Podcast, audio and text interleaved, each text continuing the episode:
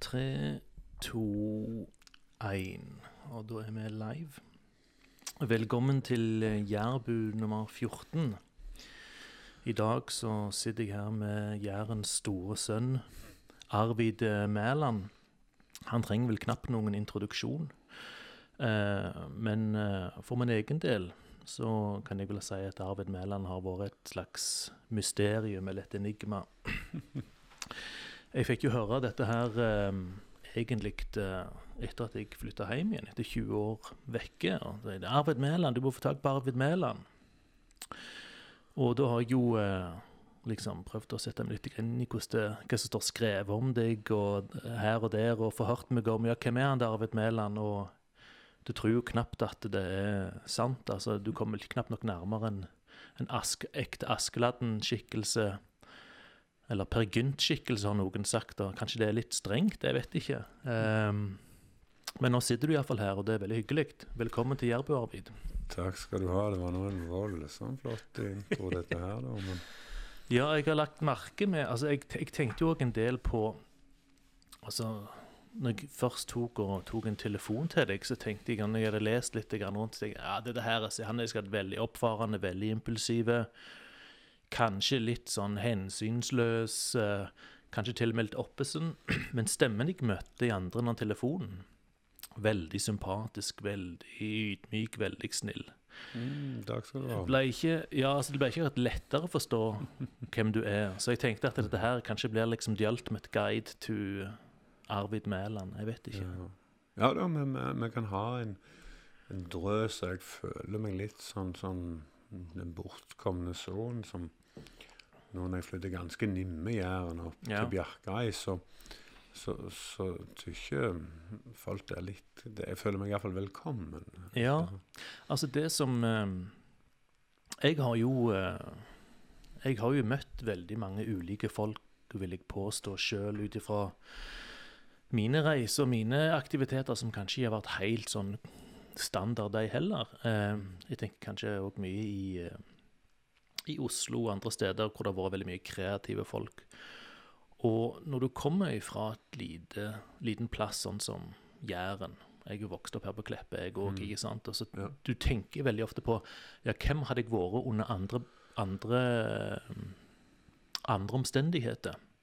Og en skikkelse som jeg alltid har tenkt veldig mye på, det er hun eh, bestemor mi, Ingrid Møller. For hun var Altså, hun bodde nede på Loen, på gård der, ikke sant. Og jeg gikk som liten unge, og kjenner du Jeg kjenner veldig godt hun. Jeg henta så mye griser der en gang når bestefaren kom ut og var veldig trøtt en morgen. Da jeg kom jeg der for å hente grisen, og klokka var fem om morgenen. Så sto ikke han opp før halv seks, og så gikk jeg på skolen da med hun dattera der. Gjorde det? Hvorfor, hvorfor er det det?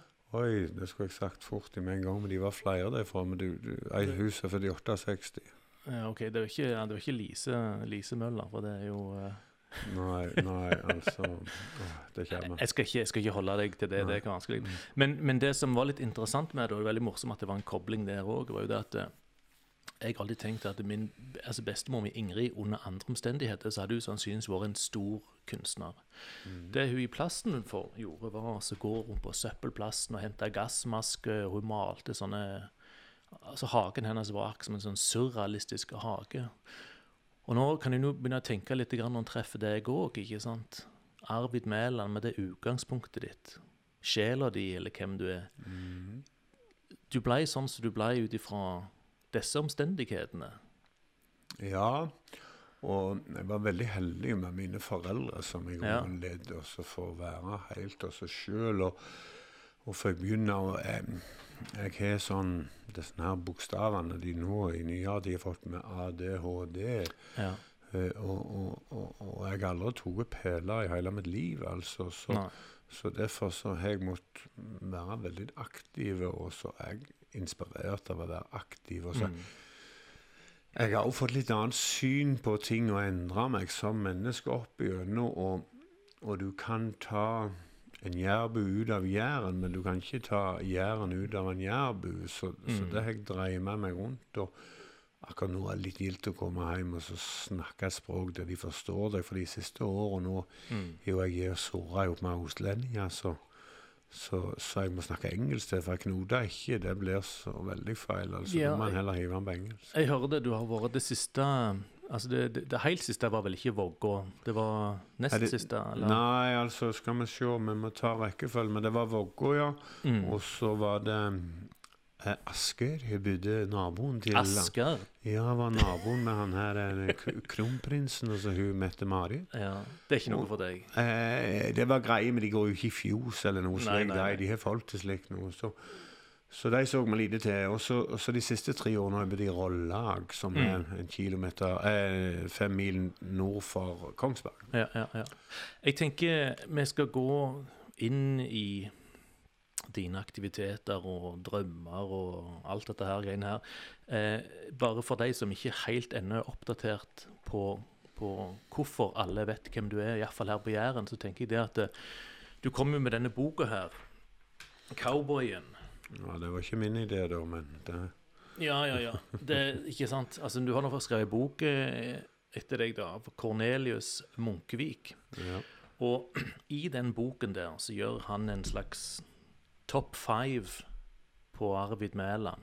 Så jeg tenkte bare jeg skulle ta oss og lese dem litt, grann, bare sånn folk som hører og ser på, kan catche opp litt grann hva det går i. ja det er greit? catch up. Ja. Da, da han besteg Kilimanjaro i cowboyboots. Storrøykeren begynner på gode joggesko, men får gnagsår. Han bytter til cowboyboots og går til topps. Da han kommer ned igjen, belønner han seg selv med å kjøpe det første han får øye på. Det viser seg å være en flere kvadratmeter stor Jesusfigur. Denne flyr han hjem til Norge og henger på huset sitt, forteller Munkvik om Arvid Mæland. 2. Da han ville sprenge en fiskedam. Han anlegger en fiskedam i hagen sin i Klepp, hvor folk kan komme og fiske regnbueørret. Myndighetene frykter at ørreten skal komme over i vassdrag, og Mæland blir pålagt å fjerne dammen. Han står klar med dynamittklubben i hånden, men blir stoppet i siste liten av politiet. Da han ville stille som ordfører, han oppretter et nytt politisk parti, Ja-partiet, sannsynligvis fordi han er lei av å få nei fra Klepp kommune. To personer melder seg inn i partiet. Da han bygde en ranch i USA. Arvid Mæland kjøper et digert område med krattskog i USA. Han rydder til den store gullmedaljen og kaller det Norway Ranch. Deretter skiller han ut eiendommer og selger til bl.a. næringslivsledere i Stavanger. Da han startet Mælandsmarsjen. Han ble trøtt og lei en gang han var på hytta med sin daværende kone og noen venner og besluttet å gå hjem, omtrent ti mil. Men han stoppet på Birkedalstunet, spiste grøt og fikk kyss derfra. I årene som fulgte har han forsøkt å gå ulike strekninger på ti mil sammen med mange interesserte. Marsjen har fått navnet Mælandsmarsjen. Ja, det var vel det. Har det skjedd noe nevneverdig etter det? Jeg antar Mm. Jeg har bare greid å fullføre den en gang. Etter det er noe sånn nevneverdig. Det, ikke, det, det kommer et, et stunt nå som er, som er det største som noen gang har vært. da, men, Ja.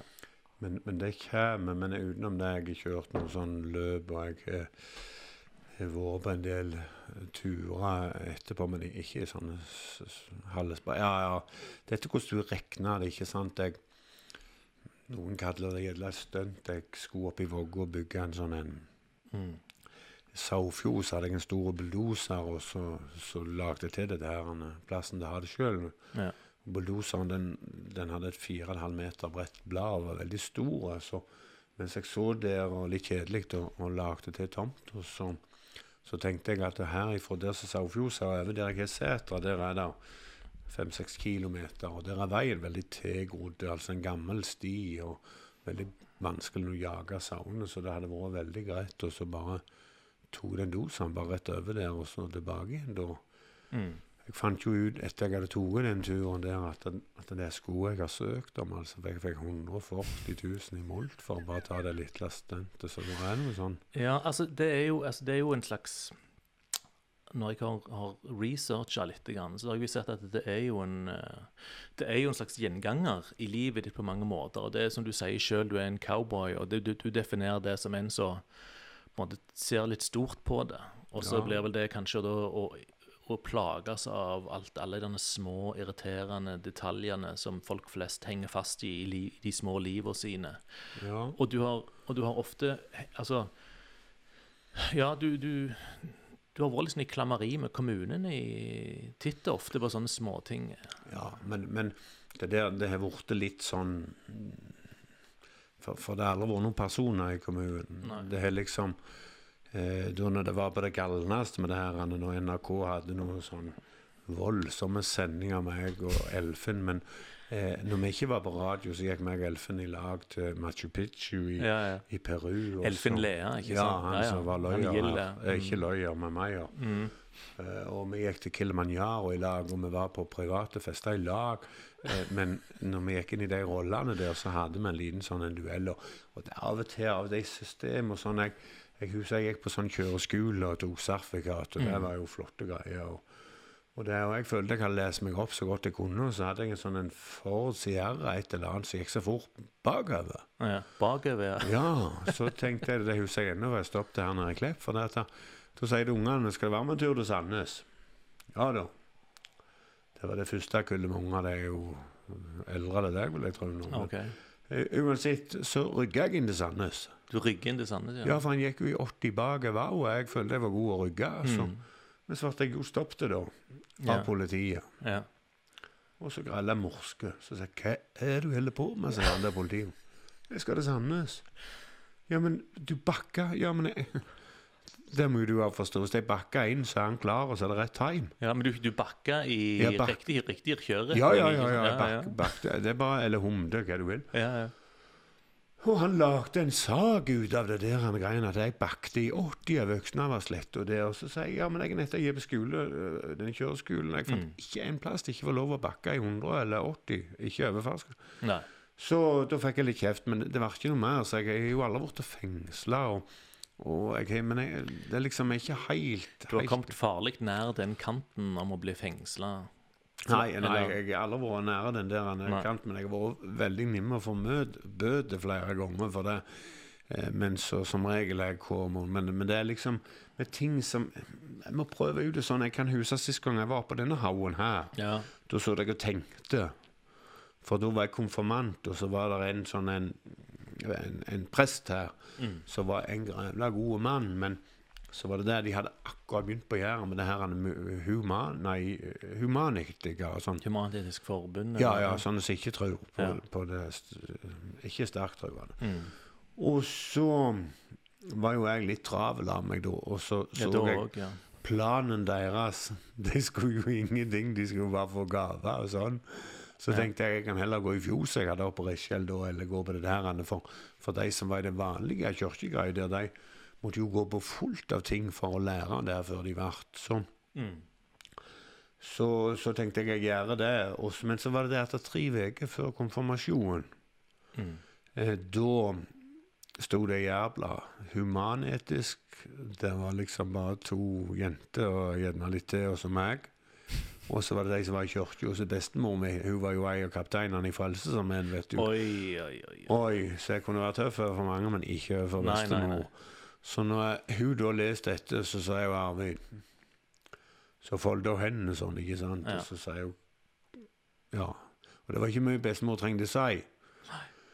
Før at jeg da sykla her til, og da hadde de siste møte her, de som, som gikk for Ja, han ja. Fiskesand, han gode prest. Mm. Og jeg, måtte, jeg var alltid tidlig ute, så jeg sykla oppå akkurat her med en åpen haug. Og så så jeg her, Sjo Karlsen, og så tenkte jeg hvordan jeg skal spørre han. Og når han da kom først, og før de andre elevene, så spurte jeg du, kan jeg få et hurtigkurs her i det der, for jeg må jeg må i kirka konfirmere meg, jeg òg. Det ble så galt med bestemor. Så det var sist gang jeg var her. Men jeg, jeg, det gikk der. Men jeg, jeg fikk jo en voldsom overhøring, for de andre slapp unna med ett spørsmål. Men jeg vet jo, hadde jo òg den evnen da jeg var ung, og det ble flau. Så Ja, vet du hva, la oss, ja, altså det, la oss snakke litt grann om du var unge. For det at eh, en blir jo ikke Arvid Mæland over natta. Ikke sant? Nei, det er nei. klart. Og sånn som du, du nevnte jo ADHD, og du har òg nevnt liksom panikkangst og litt sånn. Men med deg så vet en egentlig ikke helt hva som egentlig sies med et glimt i øyet. Men, jeg- men jeg vil tro, altså når jeg, når jeg leser og hører om deg, så er det jo sånn at det, det er mye løye, og det er mye gildt. og det, folk setter utvilsomt eh, pris på deg, ikke sant? Men jeg tror nok òg kanskje, og nå spør jeg ikke sant, at det, det er noen ulemper med det òg. Og kanskje du òg blir litt, sliten av å være Arvid Mæland. Det vet jeg ikke, men da tenker jeg Når var det du oppdaget at Eller ble, fikk, fikk liksom litt sånn tilbakemelding fra omgivelsen din at du var litt annerledes enn enn folk flest, da?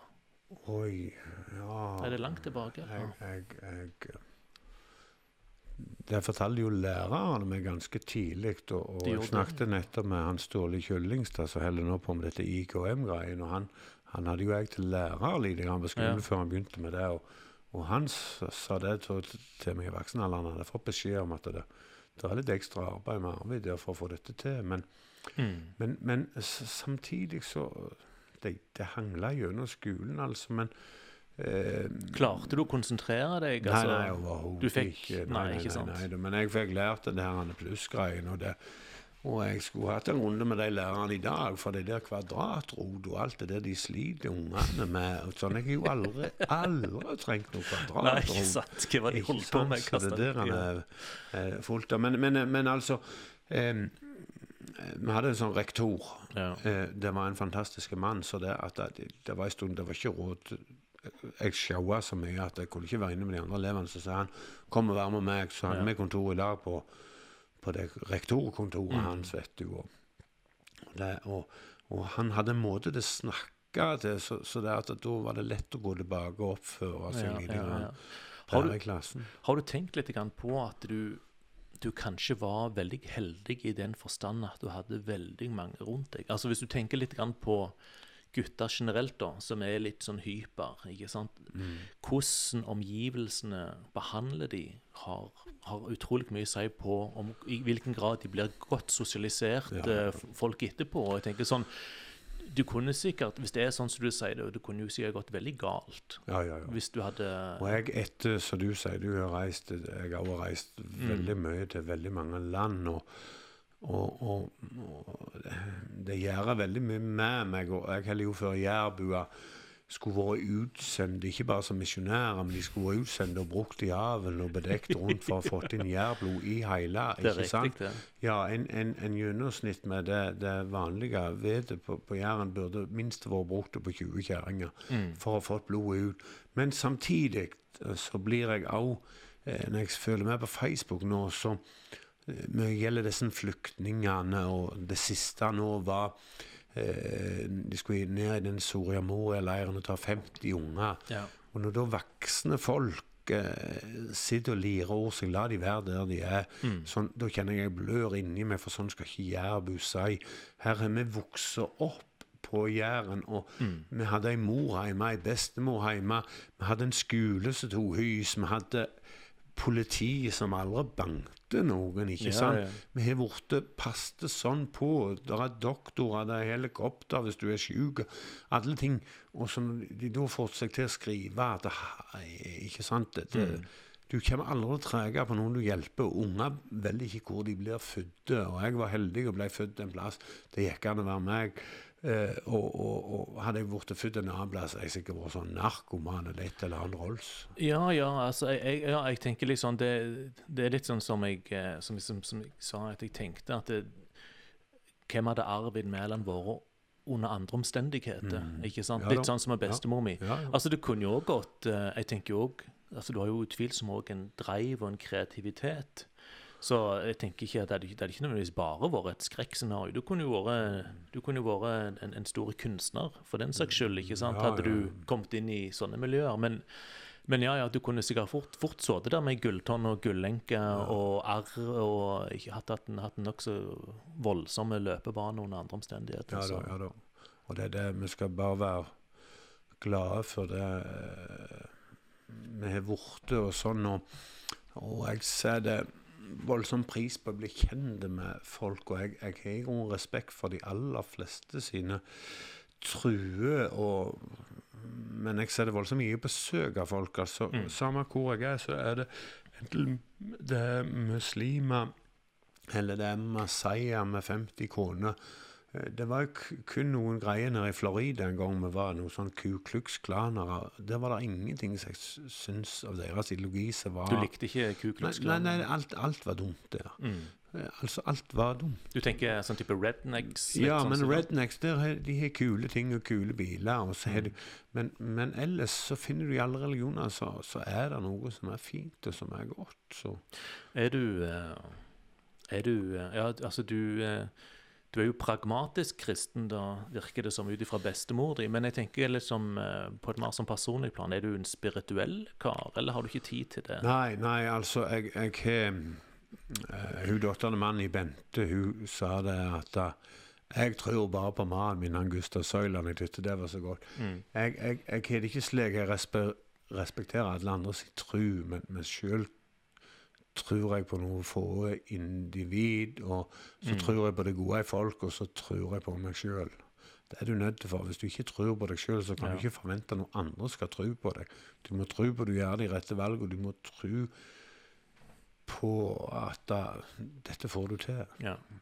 Jeg, jeg har jeg har òg lyst til å på en måte komme med en annen betraktning, og det er det at jeg syns det blir litt feil å så prøve å pakke alt det du holder på med, ned i et slags ADHD-forklaring. Ja, for det det, nei, for det at det, det, er jo altså Kanskje det er bare en mindre sak. Jeg tenker jo det at eh, du har et behov for å overskride. Altså Det er liksom noe med at du du, det føles fort klamt og trangt, ikke sant? og du har behov for å på en måte føle på en slags frihet, kanskje, og en grenseløshet du er nødt til å ha i livet ditt for å ikke bli deprimert, kanskje, eller hvordan er det? Jeg tror ikke du skulle vært psykopat, jeg tror du skulle vært psykolog. For det Ja. at Ja, jeg sa feil ord. Nei, nei, for du var gyselig til, til liksom å forstå dette her greiene. Nå har jeg nå aldri vært ikke noen psykolog, da, men, men, men altså Kanskje dette er det nærmeste du kom? Den nærmeste psykologtimen jeg vil komme. Eh, men, eh, men eh, nei, nei, helt klart det der han og, og, jeg har aldri kom knapt igjen det der eh, skjortegreiene. Og, Mm. og jeg føler meg veldig fort uh, innestengt i plasser. Så Jeg sier det litt for at jeg, jeg, jeg, jeg kjenner jo meg sjøl litt grann Mm. igjen, da. Det, Ja. det, ikke sant? Det, er jo, det, er jo, det er jo kanskje innforstått her, men ja. stemmer det. Og alt uh, For meg så ble alt, alt som jeg forventa normalt, ble det for meg vanskelig. Ikke sant? Mm. Det, det, og det er na naturlig Jeg vet ikke hvorfor det er slik, men sånn er det. ja. Eh, og jeg har Så har jeg sanger på hodet, og akkurat nå er det den der, der er makt i det foldede hender. Ja. Eh, det er en fra Bjerkreim som skrev den. Han var kåra til århundrets Bjerkreim. Men, men mitt første møte var den, med den var i, i sangen var i, på Færøyene, i Torshavn. Mm. Da kom han inn han der Sigvart Dagsland, og så Ja. sang den var voldsomt flott. Så, så den er jeg på hjernen nå, men, men det var ikke mer det. I går så var det en, en det er en engelskmann som synger hva fillen han heter, noe sånn Phil Collins etter ja, ja, Phil Collins. Så Ja. spilte jeg han så grevla høyt at jeg sprengte høyttaleren. In det- the Air Tonight, var det den? Ja, det er noe slik. Ja. ja, jeg spilte bare en sånn CD, så de kom alle, for det er ja. gammeldags. Jeg har ikke fått sånn sånn på Spotify-greier, jeg vet. Ja, ja, ja. ja nei, nå, er du, nå kommer du på, på Spotify, så det er jo Er det Spotify? Der òg. Fantastisk. Ja, det, det er på Facebook, og så er det YouTube, og så er det Spotify, Apple Podcasts overalt. Men Spotify har ikke videoene da. Så det, Nei. Ja. I dag er en litt spesiell dag for meg òg, for jeg har hatt første dagen på arbeid. Jeg har aldri hatt fast arbeid. Har du hatt fast arbeid? Ja, jeg fikk det i dag. Eller begynte i dag. Gratulerer. Ja, ja, ja. Ja, for det, det, det tenker jeg jo òg det, det, det med jobben din nå kan jo være en fin sånn en Segway. For det at uh, Vi snakket litt om det der med altså, kostnader ved, med å være Ar- Arvid Mæland. ikke sant? Og det er det at når, litt, når det går litt fort i svingene, så er det jo òg lett kanskje òg å såre folk. Selv om det kanskje ikke er vits i. ikke sant? Og når han har levd et langt liv, ikke sant, og, og en er i farta, så, så, så vil det jo kanskje òg være noen der etter hvert som, som ikke bare tenker positivt. og det, det blir det helt klart. Og det, Ikke sant? det meste det samme. Så blir det sånn elsket og hatet, ikke Ja, sant? Ja. jeg, jeg prøver på Jern, vet du, du må, du må for alltid være og ikke tro du er noe sånn. Og jeg, jeg, jeg føler virkelig ikke på noen måte jeg er det. Og kjører noen gamle, rusta biler og, og står og panter på flasker og, og, og slikt noe. Men, men akkurat det der, hvis jeg kan hvis jeg kan slippe, så, Mm. så, så liker jeg ikke det. Jeg, jeg, jeg, ser jeg er litt mer hissig enn jeg bor ute, altså på arbeidsfolk og slikt noe der. Mm. Det kommer inn på dette, der skulle vært brukt mer jærbu i avl, for, for, det, for det går seint rundt omkring i været og alt som er Nå, nå snakker jeg om industriland. Ja, og så kan, så kan jeg òg tenke meg, tenke meg det, ikke sant, at det her på Jæren så er en liksom litt vant med Arvid Mæland, ikke sant, men når du reiser utenfor Mm. den derene, ja, det, ja, ja, det er Arvid Mæland, så det, litt spesielle regler gjelder for han, ikke sant, men det mister jo du med en gang du kommer ut herfra. Stemmer det. Og da blir sikkert verden plutselig mye hardere, og mye skarpere for, for deg. Ja, og så er det lite grann med språket òg. Jeg var i sånn, men det var ikke sånn podcast-greie. Det var sånn vanlig radio oppe i Vågå. Mm. Jeg kan nettopp komme der, og så hadde jeg et mobilslakteri. I den anledningen Mm. Et mobilt slakteri. Ja, så kom de reiste rundt, sånn støttreist mat. Ja, ja, Eh, og så skulle de slakte 40 griser, ikke mer enn det lam. ja. Eh, og så i den anledning så hadde jeg lagt dette ut på Facebook, og så ringte de meg fra Rikshospitalet. og Så sier de du, Arvid, jeg ser du skal slakte. Nå er det sånn at vi trenger å øve barnelegene våre på, på den strupen hvis de setter fast en, en, klosse eller noe. Og det har vi alltid fått hos se Fatland og Nortura, men, men nå er det blitt så maskinelt at vi får ikke det. Vi må skjære dem ut. Nå har vi bare noe plastgreier fra Kina. Ja. Kan vi komme til deg og skjære ut? Det går litt tid mens vi gjør det, så er det så god sak. Kom an. Ja. Etterpå så skulle jeg inn i den der radioen der oppe og, og for, for, fortelle om det der. Det var jo liksom Han syntes det var så flott. Så kommer han inn og introduserer akkurat sånn som du, og så begynner jeg å snakke. Og jeg forteller om hele den seansen der, ikke sant. Ja. Alt som skjedde med deg, og, og det kom til gode. sånn. Og når jeg var ferdig, så spør han programlederen du, Arvid, nå var det slik at din jente var fra Rikshospitalet oppe hos deg, du skulle slakte noe. Kan du fortelle oss litt om den historien? Ikke sant? Jeg ikke forstått ett ord jeg hadde sagt. Og det, og det er klart, det ble en samtale. Ja, ja, ja. Før jeg lærte engelsk, så var meg og Ola Braud en tur borti Montana. Jeg og Jim på Kartavoll var med òg. Og da har vi ikke lært dette språket der borte, så forsto vi det skulle være fest og greier. Stammeste sagt, vi skulle i kirka. Ja. Så vi tenkte bryllup og kledde oss opp og var voldsomt i form. Skulle i dette bryllupet. Men jeg sier det til, til Ola når vi går inn der, så sier jeg det er veldig sjelden det står ei kiste i disse bryllupene. Så hadde, vi forsto jo ikke det. Men da så vi jo at det var feil. Så det er der vi ble forstanden. Og så, Ja. Det er viktig. Mm, mm, mm. Er det sånn alminnelig blankt vann? Det er bare vann, ja, og så er det eh, kaffe og litt melk her. Det, det, Ola Einjå husker du gjerne ikke, men det var den store heigerbonden. Og han Ja. bodde i en container, men når du ba han til middag, og så, så kunne du spørre han om du ville ha brus, eller om han ville ha vin, eller samme hva han ville ha. Ja. Men når han remset opp alt du hadde, så sa han har du alminnelig blankt vann. Det, det var det fineste. ja, nei, det er jo egentlig Det merker en jo når en har bodd ute ikke sant, i, mange år. er det jo at Her i Norge så, så dusjer vi jo i drikkevann hver eneste, Ja, ja, ja, hver eneste dag. Det er ikke verst. Det er nettopp det som er. Har du utavsleg at du dusjer hver dag? Ja, hver morgen må jeg dusje. Jeg, kan egentlig ikke, jeg, kan, jeg får egentlig ikke dagen til å, til å fungere hvis jeg ikke har vært i dusjen Men nå vet du altså. jeg har vært så græla strengt gift, så hun har holdt på med dusjing en gang til dagen. Selv dusjer to ganger i dag, men jeg, jeg prøver å si det kan ikke være normalt. Er du mer sånn skittgris, eller? Nei, nei, ikke skittgris, men dusje én og to ganger i dagen. Dusje før du går i fjoset. Ja. Nei, nå snakker jeg hvis du vasker deg iallfall til jul, og nei, da, det var det gamle, men, men, men annenhver dag, og så, Ja. så noe slikt noe vil være mer. Jo, kan, altså, kanskje, det, kanskje det er litt annerledes når du liksom, hvis du er oppe på Altså på, på heia, eller altså, du Ja. bor på en gård langt oppe på fjellet. Eller, Ja, ja, Så blir det, så, og så er det kanskje det at når du har vært der ei uke, to uker, tre uker, og så skipper du dusjen den ene morgenen, og så gikk det helt greit til neste dag, så, så funker jo sikkert eh, funker jo sikkert det greit. Men Ja, det er jo mange ting som vi må sette oss litt inn i og forstå. Det funker og sånn. og Det var akkurat som Marseille, som jeg er kompis med. Han var oppe her på besøk og var nede i skivene. Vi skremte han litt og sånn. ja. Og så vet du, som jeg syntes var så løye med han som hadde 57 koner. Ja. Hvordan funker det, og sånn og sånn og sånn. Men han syntes det var like løye med meg som hadde ei kjerring. For han sier det Hvis de har sånn, sånn Han bare kalte det bad week, de forstår sikkert hva det er. ja. hva gjør det da? Står det bare der St. Oskar ser på henne? Ja, ja, nei, de Ikke forstår sant? ikke, Forsto ingenting av det der, Anne. at folk holder ut og liksom det, Det var flaut. Ja, nei, altså det er eh, Ivan, ja. For jeg, jeg har jo fått med meg òg at eh, du har hatt noen sprell med han, og det er jo litt sånn løye. For at eh, faren min, han eh, han var jo omreisende musiker. Han kom jo fra Jugoslavia, opp i Ja. Tyskland og senere Danmark, og så til slutt her på Jæren, hvor han traff mor mi, vet du. Og når jeg var en liten, liten lortung, liten drolt, så, så le, var jeg var med, var med Ivan, Ivan Storm Juliussen, ikke sant? For at eh, han, han Ivan òg er jo liksom blitt musiker da, så det var jo et av de første bekjentskaper, altså vennskapsforholdene, tror jeg, til faren min her, det var jo han Ivan. Og så var jeg på mellombels sammen med noen venner etter jeg kom hjem. Da. Første gang jeg så Ivan etter at jeg kom tilbake igjen, da, så jeg var liten, og han ser jo helt lik ut som han har gjort uh, alltid, liksom, med hardt hatten og, og barten og bilen og hele greia.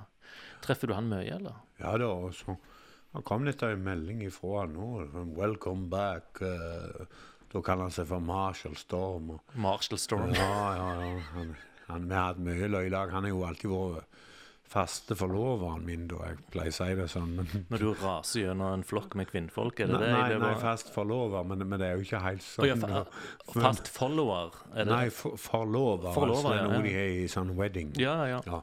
Og så, men han har jo ikke det, for han har aldri vært i et bryllup, men jeg pleier bare si det. Ja, ja, follower, ja. Men vi er mye, vi grevler mye løye lag med Ivan, vet du. Og, og, og, og jeg er mye han. Vi snakker litt samme språket. Han har fremdeles disse figurene på, tu, på, på tunet sitt der nede, og som står og skremmer folk. Hvis at de Ja, ja, ja. Han er, det, er alt, er det samme. Og, men han gir mer musikken i togene nå. Så det Er det det, at, ja? eh, Han sitter mye hjemme og så spiller og synger. Ja. Ja.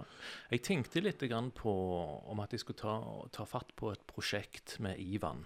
Jeg har ikke snakket med han om det ennå, altså. Men tingen er jo det at han er jo egentlig nok, han er jo en mester. Han er jo en stor figurativ kunstner.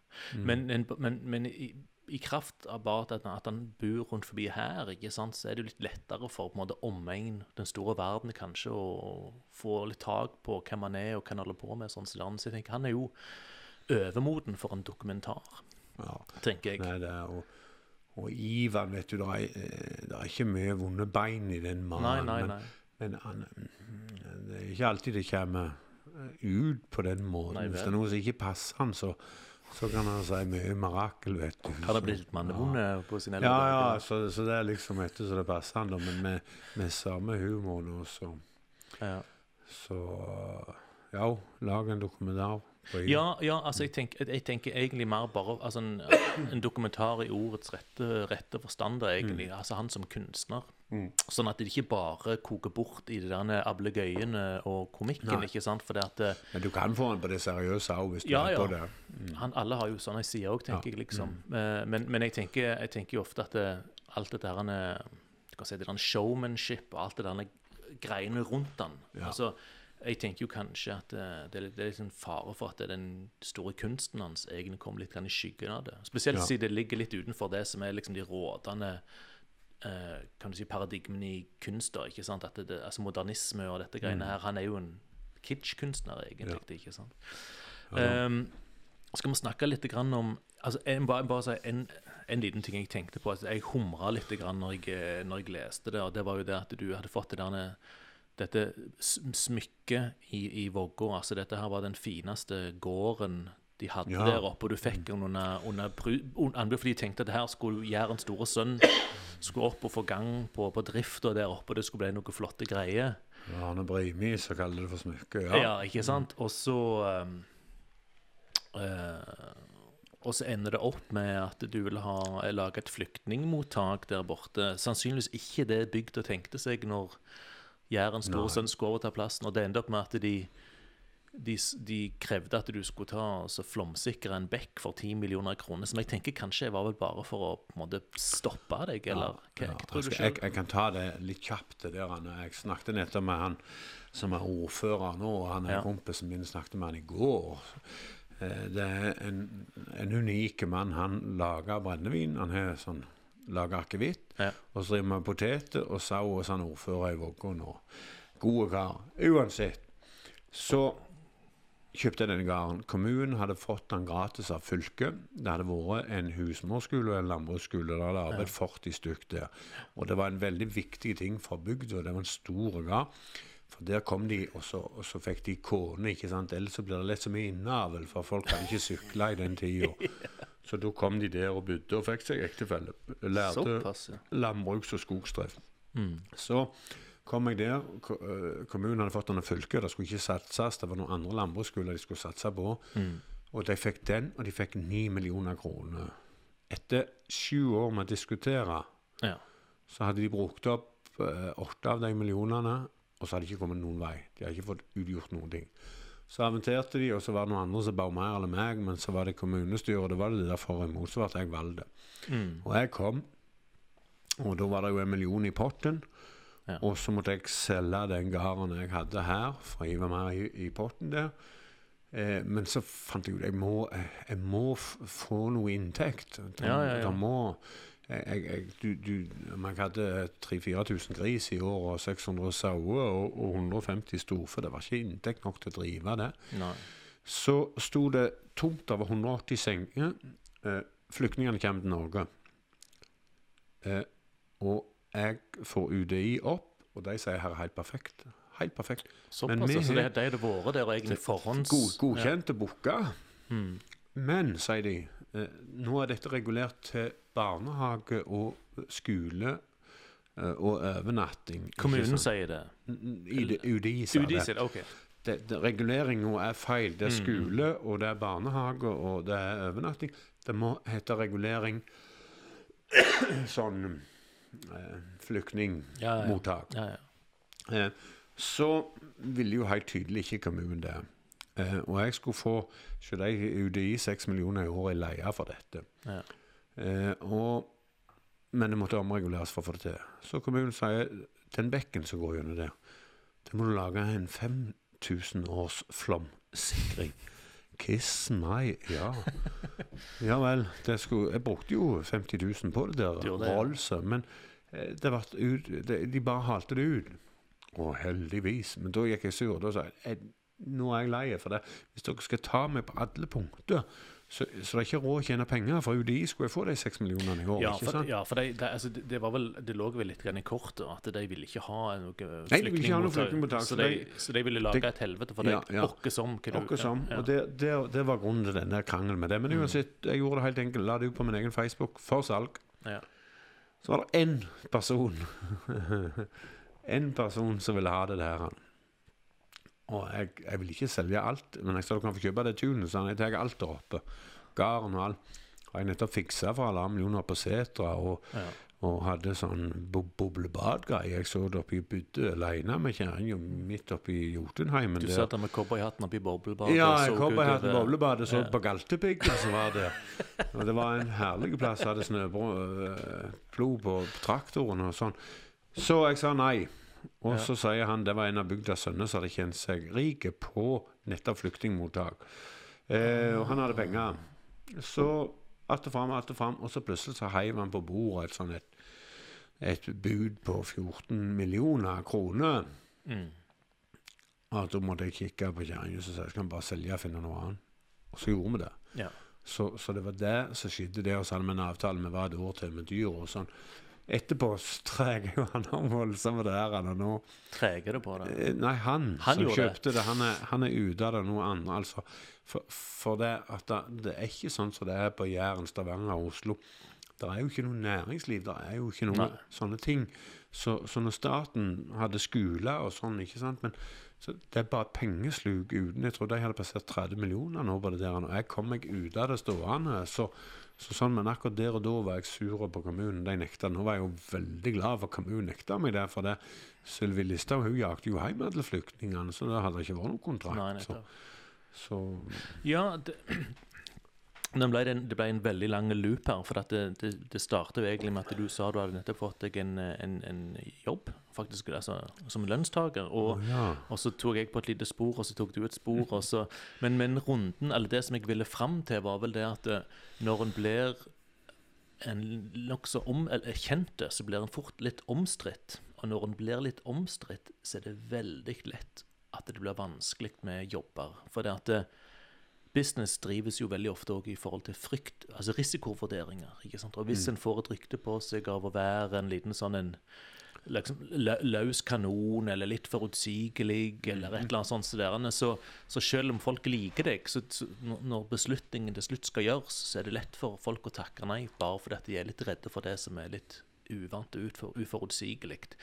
Um, så, så det var det, litt det, det jeg tenkte på. ikke sant? Altså, Hvilken pris har det å være Arvid Mæland? ikke sant? For at du har gjort sånne krumspring, og det virker som du har kommet bra ut av det til nå. Altså, Ingen vet vel egentlig helt, liksom. Det folk, det er jo bare hva du sier, liksom. ikke sant? Men, ja, da, men jeg, jeg, jeg kommer, kommer ikke Jeg trenger ikke bruke mer lei hånd enn å fortelle om de som jeg som jeg ikke snakker til. Så det er det ikke mange av. Og så er det noe ekstremt med folk som jeg kjenner rundt over et nettverk som er eh, vanvittig. Men eh, Nei, det der Jeg har jo ingen, jeg har ingen drift, vet du, av det her pengegreiene. Men så, så er jeg jo kamerat med Olav Stangeland og Bjørn Rygg og disse her, og de de er jo etter å mobbe meg litt, så sier de alt du holder på med, så, så skulle du fått til litt mer penger ut av det. Men, men, men det, det finnes jo ingen drift i det. Jeg tykker dere holder styr på den seksualdrifta mi, om vi ikke skulle ha styr på pengedrifta oss. Så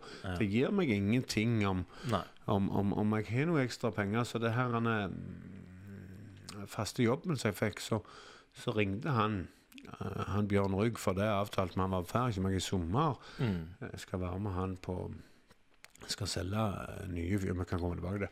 Men uansett så ringte han meg noen dager siden, sa han Arvid. "For- Forventer du millionlønn, så har jeg ikke tenkt å gi deg det. Så sier jeg, jeg hvis ikke det kom lønn med i denne jobben så, så ja. jeg, så, så den der sida hadde ikke jeg tenkt på. Den jeg hadde nok gjerne spurt etter noe lønn hvis det, Ja, ja, ja. jeg ikke hadde lønn fra noen annen plass. Men jeg har jo noe sauer og noe ku ennå. Altså, jeg må jo, jeg må jo nesten bare altså, jeg, altså, jeg tenker jo litt sånn at uh, Dette her med at du er jo en merkevare, på en måte. ikke sant? Så det er jo sikkert veldig mange måter du kan tjene penger på bare på merkevaren din. Nå vet jeg ikke om du er liksom veldig sånn gira på inn, altså rent sånn i forhold til tenkemåter, på at du, du er klar over det sjøl, altså. Nei, Men nei, eh, jeg, jeg, kommer ikke på det. nei. Jeg kommer ikke på det, men jeg har fått noen skolebilder. Jeg skulle skoleboller gratis av hun, hun på Jærbakeren, hun Bodil der, på grunn av jeg er så gild, sier hun. men men ellers er det ikke så mye jeg får, Nei, nei. får slikt nå. men, men, men så hva slags uh, Vil du fortelle hva slags jobb du skal begynne i nå? Ja, det, det, det, det, altså, det er noe som jeg brenner for. Ja. Eh, Bjørn Rygg nå, vanlige mann som jeg og deg, begynner skrur i traktorer og, Ja. og, og er ute i bak. Ja. Men han er, han, er, altså, han er så voldsomt sjå inn i framtida. Mm. Så han, når alle de andre har styrt på og slikt noe, eh, så har han bygd opp sitt eget imperium. Og det er etter hvert et imperium. Han er, han er på landbruk nå snart like stor som Felleskjøpet på traktor i, i Norge. Han har kjøpt. Akershus traktor. Han eier, alle mulige ting Ja. og greier halve styr på dette. her. Eh, det siste han har kjøpt nå, det er to nær, eh, han har kjøpt en nærbedrift som heter Reime Co. Ja. Eh, og så der var det med et eierskap i noe som heter Reime Landteknikk.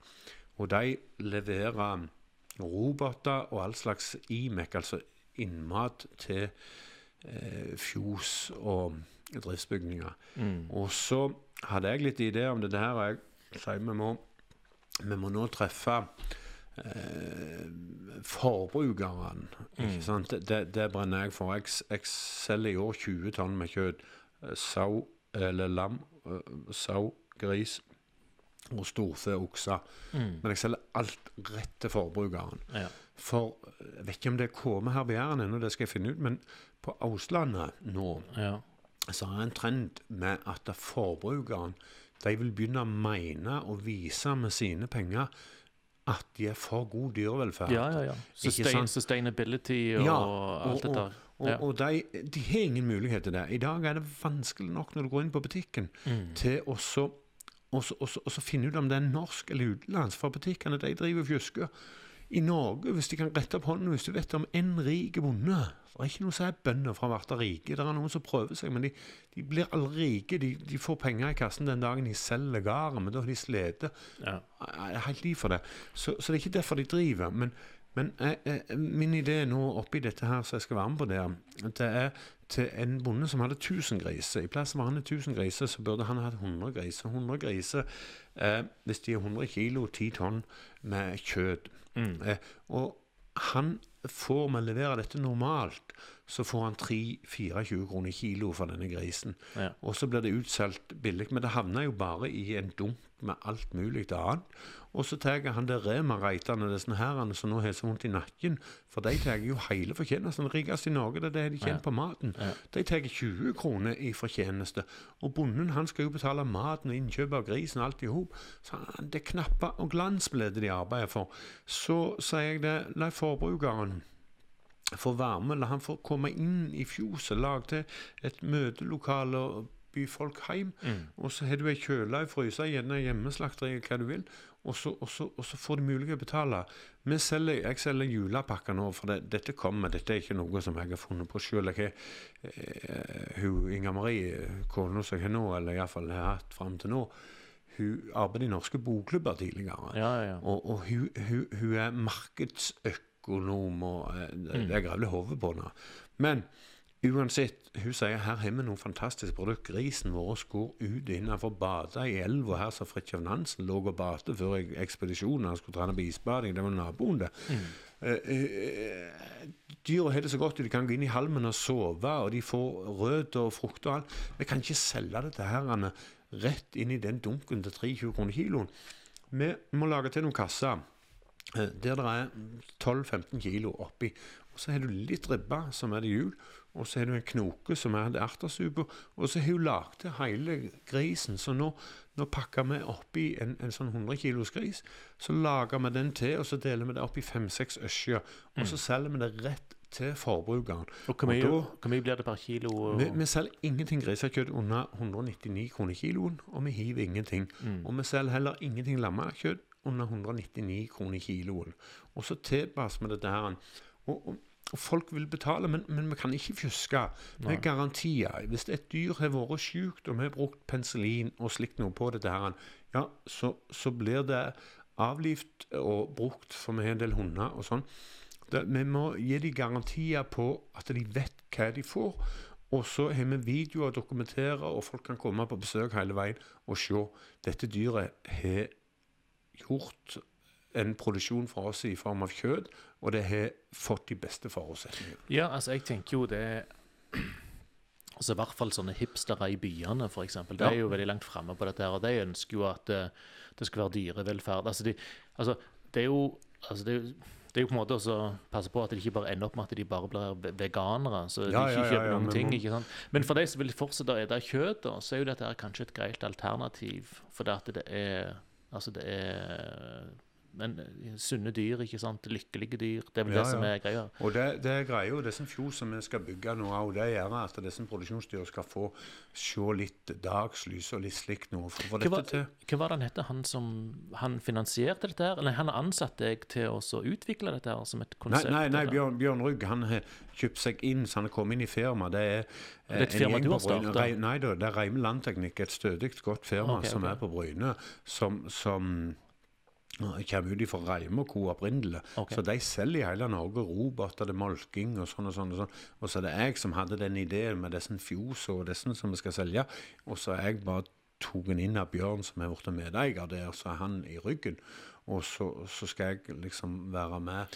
Så du Få det litt på kartet. Ja, ja, så du hadde, du hadde ideen, du fikk ja, ideen av dette fjoset var mitt, og Ja, jeg, jeg, ja. ikke, jeg driver jo bare her og snakker om det. Ikke sikkert alle de andre er enig i det, men det handler litt om når du ikke har hatt fast jobb. Men, Nei, nei, poenget er du skal få en fornøyd eh, bonde, en fornøyd dyr og en fornøyd kunde, og gjerne være med kundene lite grann, eh, som er bøndene, og hjelpe Ja. dem til å få litt bedre betalt. Og, og, og, vet, vet, altså vet du hva rollen din skal være i det daglige spesifikt, Nei, eller er det ikke helt avklart? Nei, ennå, i, i, i det daglige, vet du, det, dette med ansettelse og slikt noe, det var det er ikke så lett Så, for nei, altså, han, han, det var igjen Bjørn. Så sendte han hvor, hvor stilling, altså hvor mye stilling jeg skulle ha. Om jeg skulle ha noe som heter 70 eller 80 eller 90 prosent eller 100% Så sier jeg hvordan er det du regner ut disse dagene? Eh, Så sier han det var noe sånn sju og en halv time. Mm. Ja, men hvis du da begynner på mandag, sier jeg, og så regner sju og en halv time, så, så er jo før onsdag klokka tolv er jo uka oppbrukt. Og det måtte han jo være enig i, han Ja. òg. Så det, det er en full stilling, og så er det litt fritt. Og så, og så er det det hvis det kommer jul, hvis jeg ikke har solgt noe fjos, eller ikke har solgt noe innredning, eller ikke har solgt noe sånt noe, Ja. så har jeg ikke jobb. Nei, nei, nei, så det er Det er et nådeløst liv for en cowboy, ikke sant? ja. For at det ikke Og hadde jeg vært dreven av disse pengegreiene, så hadde det ikke vært det eneste eh, jeg nå har bestemt for, for, for det. Nå skal jeg ikke ha noe kone før jul. Jeg kommer ikke til å ha hvis det, ja, det måtte være hvis det blir en kald vinter der oppe i Laurbrak. Da at jeg måtte ha seg kone. Ja, for prøv, jeg har bodd på Hardanger, vet du, og det hadde jeg aldri gjort uten kona. Det var frosset her. Jeg har gått over der på ski noen ganger, men jeg har aldri bodd der. Det, Nei, det, nei, det skal jeg love deg. Du må ned og pikke etter vann og slikt noe. Hvis du skal gå nett nå uten Ole ligger Så det, det, det vil temperaturen på Laubrak i løpet av Ja. vinteren bestemme. Ja, dette her med Vi har jo eh, diskutert litt grann dette her med de tidlige, tidlige år, og på en måte at du Du, eh, du fikk tilbakemelding på at du var litt annerledes, men godt likt for det. Men dette her med kone du, Nå refererer du, du til ei dame som på en måte Noen ganger er jo kona di, og så virker det som at du er litt ekskona di, eller at dere bor i, på, på hver sin side av et fjell. Damene er glad i deg, det har jeg skjønt ut ifra søsteren min. Men, eh, men, Ja. men, men det er kanskje vanskelig å få til i lengden når en er Arvid Mæland. Jeg har også litt forståelse Altså, jeg har også skjønt det litt etter hvert. Men ehm, Nei, altså, det, det som er med hun hun, hun um, Kona som jeg er nå, det er jo det at vi er så mye for like, vet du. Vi konkurrerer Ja. hele dagen som Vi sliter dagen rett ut. Ikke sant? Det, det er liksom ikke når du aldri det, det går bare ikke, det. ikke sant? For alt Nei, er en konkurranse. Ja. Og, og det er bånn gass. Hun har vunnet dette Finnmarksløpet et par ganger. Og, hun gir så gass at da, hun, hun er ikke mer enn 3-4-55 kilo det er vanlig. Men Nei. så tar hun av seg 7-8 kilo på ei uke. Og det er til med men jeg blander ut Red Bull og fløyte, så hun står og drikker på hele veien. Hun springer så greit i bakkene, vet du. Hva heter det der med hund, hund, hund, hundeslede? Ja, ja, det er mushing, altså. Det er hundeslede, ja. Hva heter det? Iditarod? Er det dette der ja vanvittige i Alaska? vi har ikke vært med i det, men hundene våre har vært med i det, det går i Alaska. Det er var verdens lengste løp. Ja. Og Benjamin og, og Lupus og, og Dodge og flere av de vi har, de har vært med i det. Men, men uh, Inger Marie hun har vunnet Finnmarksløpet to ganger. Ja, deltok ja, ja. fire ganger. Og jeg har kjørt Femundløpet og det sånn her. Men, men jeg konkurrerer ikke. Jeg kjører jo for det er gøy. Jeg Ja, ja. det ikke sant, til å stå ute i stormen der til å kjenne på litt Det er jo cow smerter. cowboyaktivitet. Ja, ja, jeg, jeg, jeg, jeg sier det. Ja. Så ja, for dette, hun, hun virker jo til å være skikkelig sånn ei alfa, alfa-kvinnemenneske. Alfa, Viking, det, ja, ja. vikingmøy, ikke sant. Mm. Men så tenker jeg det at eh, du, ikke sant, som har det travelt nok med på en måte å lystre dine indre demoner Altså, du skulle egentlig kanskje hatt ei dame som var litt mer sånn OK med å være litt på slep, på en måte. Altså Ikke at det skal være noe negativt, men du forstår ikke hva jeg mener. Noen som kanskje ikke hadde så veldig mange planer og retninger sjøl. Eller Ja, det, da som det, fungerte, vet du, aller best var når jeg hadde eh, Siri, som, som jeg har jo reist jorda rundt og sånn og lett etter kone, og så, og så var det Siri som var fra Unnøy. Og vet, skal du ha skikkelig korneebne, så er er og er- av Hå Ja, det kan være Kleppa òg, men, men Ja. Og del av Hå er de aller beste, for der er det, det er grundig avl der. Uansett, så hva er, det som, men hva, er det, hva, er det som, hva er det som gjør det til bedre, bedre avlsmateriale ute på Undøy og, og HDR? Nei, nei, altså nå må du ta ut ifra de tingene som jeg ikke sant, som Ja. regner på ikke sant, hvor, Ta eksempel Olav Stangeland. Hvor hadde han vært i dag uten han hadde gitt på den der dattera til Ølbergen? ikke sant? Det er det beste i Sola som er av, Ja. av kvinnfolk. Ja. eh, altså kumlemiddag alle ting, de er gode på alle hold. Og det er jo det som er der er mye gode kjerringer og slikt noe, men så er det det at det, det er mye elendige menn òg. Og det Det er det. mannen er, til bedre må kona være. og Derfor Riktig, sier jeg de er så gode i funnet, for de er så allsidige, og de ser mellom fingrene på ting. og Ja. og, og, og, de er arbeidsomme, og de, er, de har noe gaperånd der Det er det, ja. oppe. Så, så det var jo jeg som var tosjen der i forhold til, til Siri. For det at jeg vet ble litt egoistisk, så jeg husker da jeg kjøpte i Amerika. Da, Ja. Da leser hun det i Stavanger Aftenblad, og så hadde jeg glemt det. Så sier jeg til hun før. Og det er klart, sånn gjør du ikke. I- en tosomhet så skal du ta det i ro. Men jeg ble litt for sein å innsjø. Det skjedde jo det samme da jeg kjøpte i Vågå òg. Så hadde ikke jeg snakket med henne. Hun hadde andre planer da, så, så det Ja, ble ja. sånn. I et normalt forhold så er det jo det. Men Mm. jeg tenker litt sånn altså jeg, For min egen del så, så merker jeg jo det at eh, etter hvert som blir eldre, testosteronnivået synker litt. Grann. Hva er det for noe testosteron? Ja, så det er det hormon, mannshormonet ditt ikke sant, som, som gjør deg eh, enda mer rastløs og litt mer egoistisk eh, og mer oppsatt på å strukturere og dominere omgivelsene dine. sånn, ja, ja. Uh, og det som er litt løye, er jo det at for oss mannfolk så begynner det å gå nedover etter 30, og når du kommer opp i 40-åra, så er det enda litt lenger nede. Og det som skjer, er jo det at vi blir jo litt mer sånn eh, Vi blir litt mer empatiske, vi får litt mer ro over oss. Vi enser folka rundt oss. Altså Mange snakker om de negative tingene med, med, med, med fallende testosteron, men for noen så er det ikke nødvendigvis bare negativt. For at akkurat som kommer ned ifra en liten sånn en rus. ikke sant? At du liksom du forstår mer hva folk tenker rundt deg, ikke sant? for du blir mer obs på det. Du blir litt mindre sånn sjølsikker og ego, ikke sant. Ehm, og jeg tenker jo det for min egen del, så har jeg jo merka at jeg har blitt jeg, altså, Du blir litt annerledes i dine eldre dager. Har du merka noe av det, at du har falt litt mer til ro, eller ikke? Har du kone, du? Ja, jeg har det. Ja, for det var godt. For det, Altså, hvis du skal på en date en gang, Ja. så må du ikke sitte og snakke om alt det der testosteronet. Jeg, Nei, nei. nei, altså, jeg kunne ikke hatt det snor, det er nok noe du har lært når du var ute og reiste der. Men jeg, jeg må si jeg datt litt av, for jeg så det hører på alle sånne Å, ja. vanskelige ord. Testosteron og hva var det, hormon og Nei. Altså, det, det er den kjemikalien i kroppen vår. Kjemikalien i kroppen, ja. Altså, altså, du kan si uh... Jeg, hva var det jeg skulle ha merka Nå til? Bare si det på noe enkelt jærsk. Ja, nå At føler jeg litt seinere? ja, nå, nå føler jeg meg som en sånn, sånn en Holberg, tåpelig Holberg-skikkelse her. Nei, nei, nei, nei, det var ikke sånn meint, men jeg må bare innrømme at jeg detter litt av. Ja, ja, ja, ja, ja. Nei, altså, du kan si det at uh, testosteronet er jo det der hormonet vi menn har fått fra naturens side, Ja. være, som gjør oss til cowboyer. Ja, formeiringshormoner. formeringshormoner. Formeringshormoner, de gir deg aggresjon, oh, ja, ja, ja. vilje, vilje til å vinne, ikke sant? Dri- Drivkraft, alt dette her.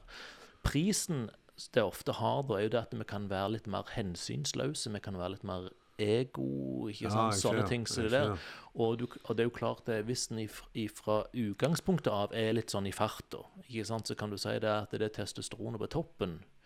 Da kan, en, da kan en jo ende opp med at en gjør ting som en egentlig ikke syns er like greit når en blir eldre. Når Ja, det, når det, ikke sant? Og da tenker jeg det at det er jo veldig vanlig ikke sant, at når menn blir eldre, og det faller, så får de et større behov for å bli likt av andre. De enser folk rundt seg litt mer, rett og slett fordi at det, testosteronnivået synker litt. Og det har det gjort hos meg. Jeg har merka forskjell.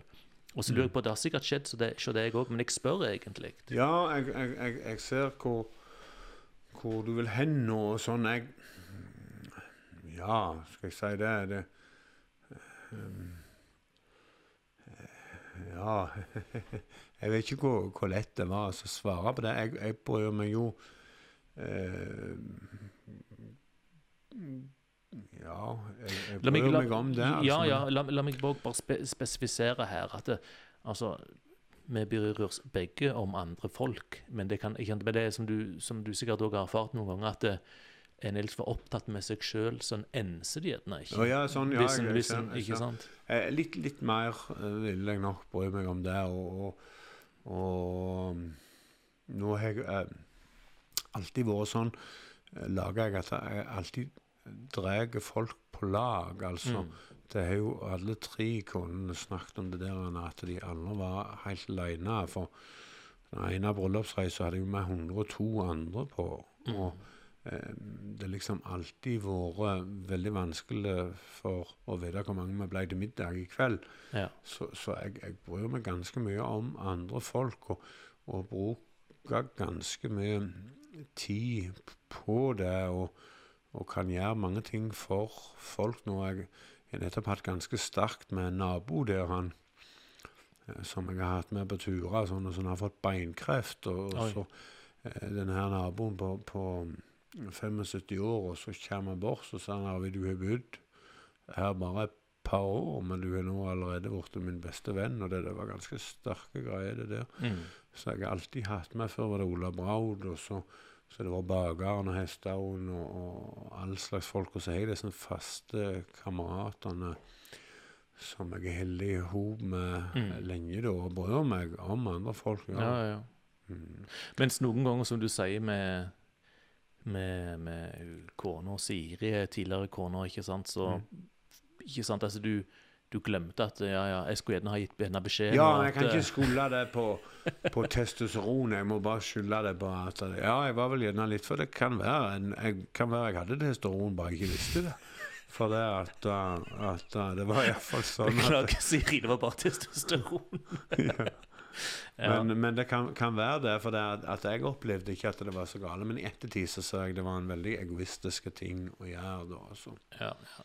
Så er det sånn at eh, liksom, damene de, de blir liksom fascinerte, de blir, de blir bare revet med. Og så er det Når det går litt tid, så blir det litt sånn Det blir litt mye slitasje, eller er det Ja, og så blir de litt lei av og så alltid Hvis du går ut eller sånn, så skal alle jo lyst til å snakke litt og litt sånn, og det syns jo jeg er veldig stas. Og så, så, og så blir de litt lei av å alt styret, liksom? Ja, blir lei av styret, det tror jeg nok. Og så blir de veia. Det er mye vas med meg, vet du. Det er, det er mye vas. og sånt. Er det det?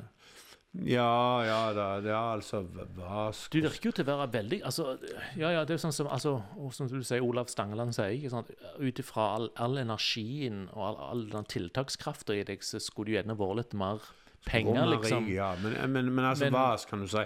Det som er vanlig, vanlige koner, sånn, så koser de seg med maten. Men jeg trenger, hvis jeg bruker over fire og et halvt minutt på å spise middag, så er jeg lei. Så, så, så nå har vi bare fått en ordning med hun kona jeg nå, for hun vet du er det helt, hun var gift med skipsreder før. Ja, ja, Så hun er helt fina, vet du. Men hun er, hun er aldri ferdig å ta på sosen før jeg er ferdig å spise middagen.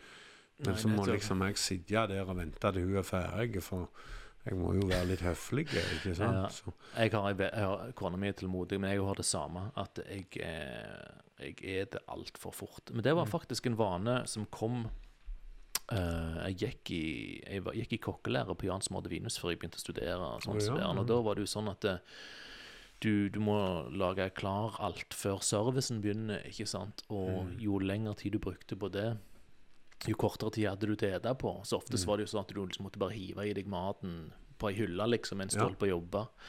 Og så var det jo militær etterpå, ikke sant. Og da var det jo sånn, jo kjappere du var med frokosten, jo lenger kunne du sove. Så det var det strekket der, da tror jeg det var igjen et par, par-tre år hvor jeg bare ødela etevanene mine og, og jeg, jeg gjorde det når du sier på det samme, for jeg reiste jo med disse store gruppene med folk.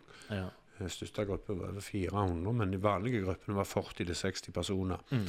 Og når vi da skulle ut og ete på en restaurant om, ettermiddagen kvelden, så var det ikke alltid de var så gode til å telle deg på kjøkkenet. Hvis alle skulle ha steaks, medium, rare og alt sånn, Ja. så, så kunne jeg aldri ta middagen eh, først. For at jeg var sikker på at alle gjestene fikk, så måtte jeg få en siste. Mm. Men da, før jeg var Altså, jeg skulle ete opp, Ja. og, så, og så skulle jeg eh, betale regning og ordne med tips og alt i hop til de andre var klar. Så da lærte jeg meg til, og jeg lærte meg til noe uvaner, annet det. eh, Jeg jo ennå litt av at jeg spiser desserten først, og så tar jeg middagen etterpå. og Det er det samme. Jeg spiller julemusikk. Og, og Sissel Kyrkjebø, det er midt på sommeren. Og så når Ja. vinteren kommer, så er det Postgirobygget. For det, det føler jeg er greit. For Ja, ja. Ellers har jeg Men det er én ting jeg tenkte jeg skulle spurt deg om. ja. Var det råd for pist? Ja, ja, ja, selvfølgelig. Jeg- Jeg skal vise, vi skal vise veien. Du går et lite vekk. Vil du ha litt mer uh, vann òg? Ja, det var flott. Skal vi se, du kan bare ta Det gjorde seg. Skal vi se her. Ja, Går det der greiene hele veien? Nei, nei, jeg stoppet når jeg startet det. Mm. Men det, det kunne for så vidt ha gått òg. Altså, det, det er det Ja, ja. samme. Nei, hvor var vi? Jo, vi kan, vi kan snakke litt grann om eh, bok, for det at eh, Jeg tenker jo det at uh, du har jo tatt med denne boka her for å vise den fram, og den er jo flott. Og den her skal vi ta oss og gi vekk til Ja, jeg tenkte på det, for det, du ser det der. Bare for å ta det der boprosjektet, så var Ja. det Bjørn Moi. Han skulle begynne med sånn eh, å være bokforlegger. Og så, så spør han om han kunne få lage til ei sånn ei. Og så var det Cornelius Munkvik, en i Aftenbladet, og en veldig stødig mann. Mm. Så fikk den jobben der. Og jeg stilte bare opp. Jeg kan godt innrømme, jeg leser jo aldri den der boka før et år siden april.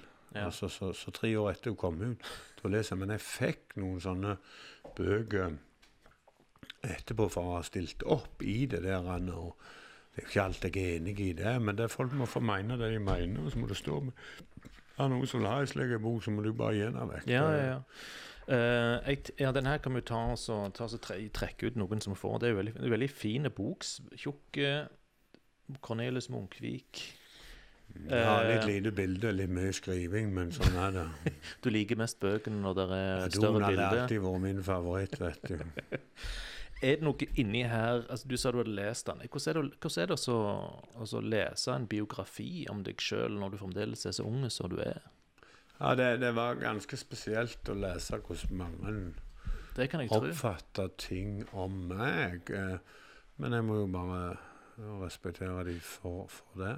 Hva var, det, hva, var det du, hva var det du tenker som er litt sånn Nei, nei, jeg, jeg husker det bare sånn helt generelt. Jeg, ja, det var måten de hadde oppfatta litt generelt hvordan situasjonen og sånn og sånn var men eh, Nei da, jeg Gode greier. Ja, ja for det, det var det noe jeg eh, Altså, han han ble intervjua, han eh, Munkevik, eh, og så leste jeg litt om det, og da var det jo sånn at det hadde vært et par ting der inne du gjerne ikke syntes det var liksom så vanvittig greit, men Ja. du, du liksom la ikke noen begrensninger eh, Nei, nei, jeg eller noen styringer på det. kan ikke nekta på noe av det der. Ja. Jeg, for det, det var ting som jeg mente som var helt på som var helt feil. og Blant annet det var noe med noen penger noen greier som regnskapsføreren og revisoren var jo helt enige med meg, så det burde jo komme fram. Jeg tror det kom fram også til slutt. da, for, Ja, ja, ja. for det at det er to sider av absolutt alle saker. da, så Du føler av og til at det liksom Altså, du er in it for a ride, du òg, på en måte. Altså, du,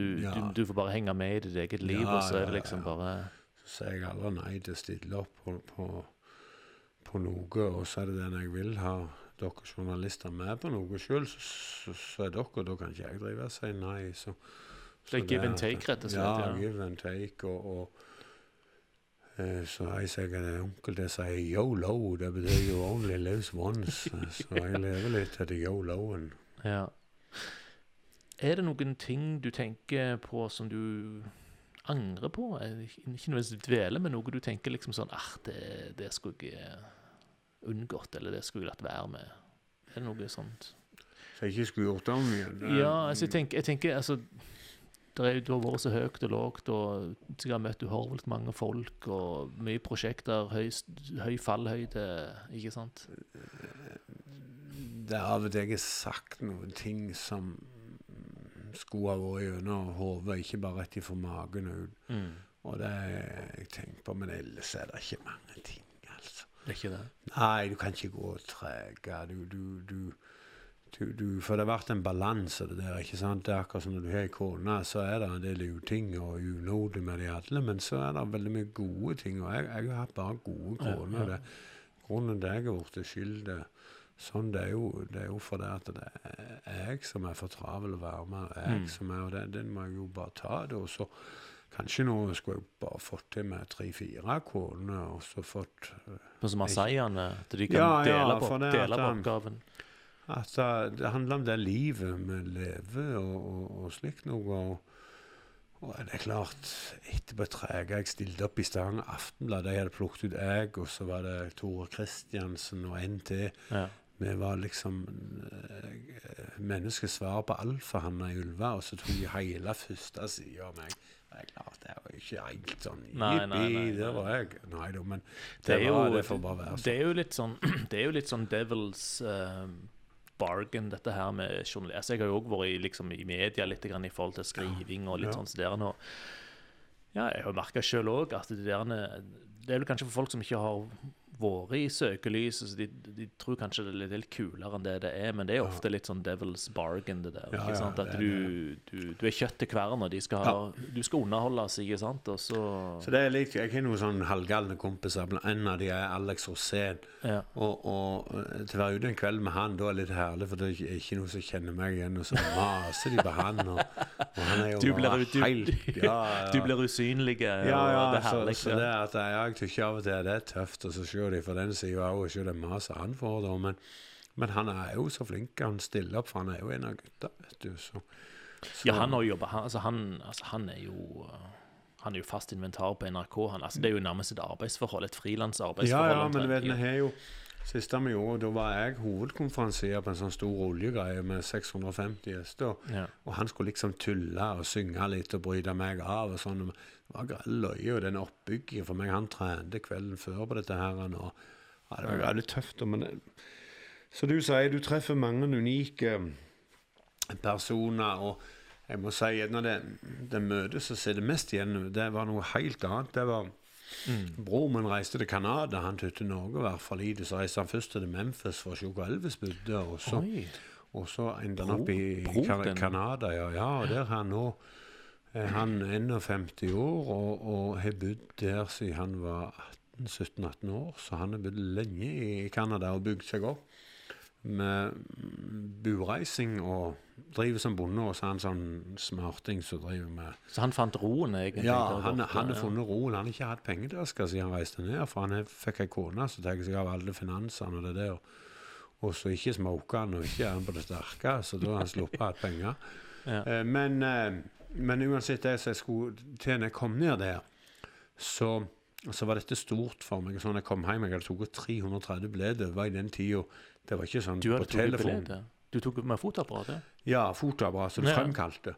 Og så de hjemme, da var det jeg og, og far og mor, og så, og så Britt Line, jeg er stefar til, Mm. og, og bror min Jarle, og noen som for ned i bryllupet. Og jeg tatt 330 bilder. Jeg hadde glemt å ta bilde i bryllupet, for jeg var så fascinert av indianere og cowboy. Det var sånn AMS-reise begynte. Men, men, Ja. men jeg skulle tilbake til han som gjorde størst inntrykk der. Og det var altså svigerfar til broren min. Han heter Alven.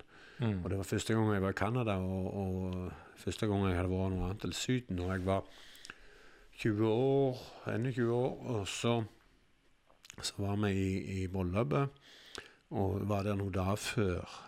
Og han, svigerfar til broren min, han, han, Alven, han, han kunne kun rikke hodet sånn og så snakke.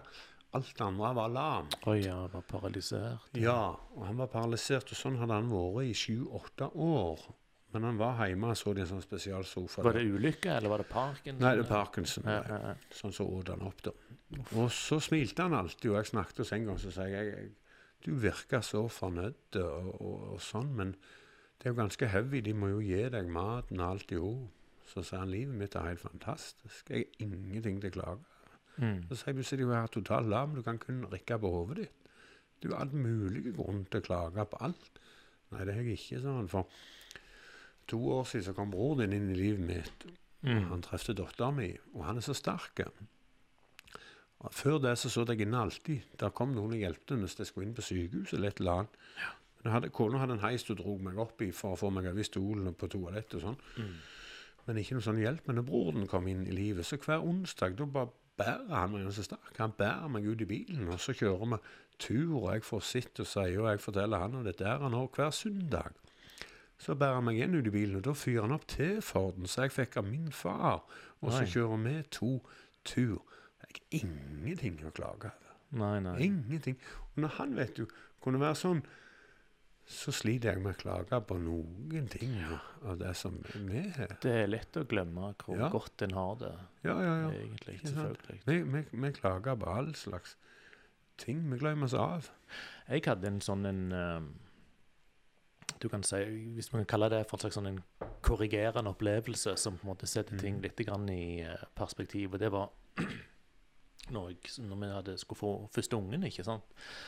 Ja. Så, eh, så hadde vi et par sånne spontanaborter. Det var, det var altså de første trimesteret, da. Så det var liksom på en måte Første gang så er det liksom Ja, det er normalt, det skjer Mm. nokså mange. Og Ja. det, det er sikkert riktig, det, ikke sant? Men Ja. du tenker ikke du tenker ikke på at du tenker ikke på det, du tar det som en selvfølge. At ja, nå skal han ha barn, og da, da er det greit, og så går det. Så det, skjedde det første gangen, da.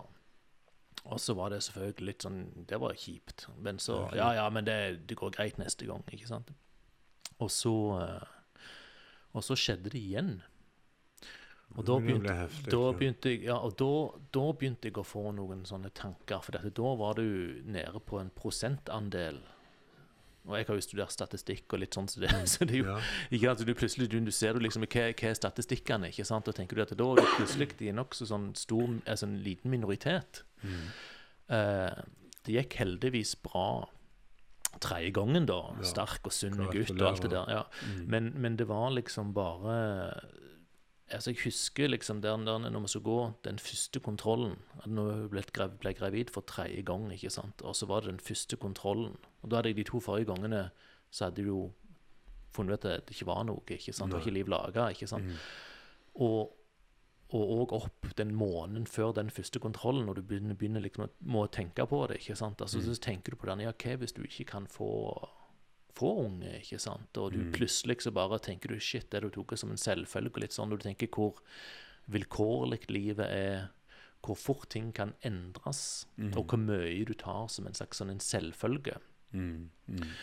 Mm. Nå gikk det jo heldigvis bra tredje gangen, ikke sant? så nå, nå kan jeg jo på en måte ta meg sjøl i å ta ting som en selvfølge igjen. da. Men av og til så For at jeg tok også og skrev ned litt grann, noen tanker jeg hadde når jeg gikk til sykehuset på den tredje kontrollen, for jeg ville ikke glemme den, den, den der greia. Det er det som er litt samme som du òg beskriver. ikke sant? At du, plutselig så får du Du rykkes ut av den der bobla, så Noen må fortelle deg. ja. Ikke sant? Så, det får Ja. virkelig tenke, og, og det var jo Ja, ikke sant? Ja. Og, vi trenger alle hjelp til, til det der. Og vi ble alle gående. Jeg, jeg reiste mye rundt tidligere og så tok trimma klauene på kyen og, Mm. og på hester og sånn. Og så kom en gang sør på Jæren, og så dette her Når Ola Braud var med meg rundt. Og, eh, så var det alltid måtte inn på kaffe, og vi fortalte på historier og greier. Så husker jeg det hun kona der sier meg og Ola så i stua, så sier hun sier det, skal jeg fortelle den historien? Så sier hun ja, gjør det. Så går jeg på kjøkkenet og sier det var kaffe. Så hun, det var jo litt Men da jeg kom tilbake, da, mens hun var der Mm. For hun var helt alene og ble enke, man hadde ennå igjen det dyret. Så, så kom det ei mus som sprang over gulvet og så inn i et Mm. hull. Så sier jeg du må få opp ei musefille, for der for der ei mus Mm. inni hullet der, så sier hun hun bor der. Hun Hadde bor hun der, ja. selskap i den. Eh, eh, og vi blir litt sånn som eh, blir gående alene. Og Mm. eh, det er veldig bra å ha noen til å korrigere og fortelle. og Good friends is needed. Mm. mm. Du, eh, du, skrev, du, du nevnte noe om eh, panikkangst og litt sånn så det der. Var det bare flås, eller Nei, er, det, nei, er, det det, har jeg er det det mørke har jeg den stunder? dag i dag. Og det, nei, det, men det er ikke det hele veien. Og det er noe himla klatt. Ja, det er noe. Du tror du skal dø, og hjertet begynner å rase? Jeg er helt sikker på at jeg skal dø, vet du. Og så det er hele veien. Det, der, det er noe grævla klatt. Så jeg, Er det det, ja? Ja, jeg har tenkt på hvordan jeg skal få vært det. Men det begynte Tidligere var det bare i rådhus. ikke sant? Når jeg skulle inn i rådhus, da fikk jeg den her. Men nå Fordi det var så mye motgang fra byråkrater? da, Nei, eller? altså, det, det bare, du gallrer deg opp, ikke sant? Så det Mm. at da, Men, men jeg, eh, det kommer når jeg ser det andre også, har det der en. Men du, du, du, du girer deg opp og girer deg opp og girer deg opp og girer deg opp. Så, så, så, så det, det er litt sånn Og så går det fint. Jeg er jo på de sånne auksjonene her nede, og når det er 1000-1500 sånn mann så du vet Ja, kommer for å høre på hva du skal si, og sånn så, så, så girer du opp, og så det bare kommer i gang, så går det, så går det over det. Ja. Men, men det er noe klatt å ha. Det, det, sånn er det bare. Ja, altså, jeg hadde jo, jeg hadde jo en sånn standup-komikerdame her, Katrine Rasmussen. Hun driver sånn tattoo-studio på Bryn Ja, og litt ja. sånn så der. Når hun eh, vet ikke om hun også snakket litt om at du fikk litt sånn panikk av og til, men det med å gå på scenen for henne var mest litt sånn sjølskading for henne av og til. Ja, for at ja. det er liksom du, det er noe som driver deg opp der, men det er likevel ikke så veldig greit alltid.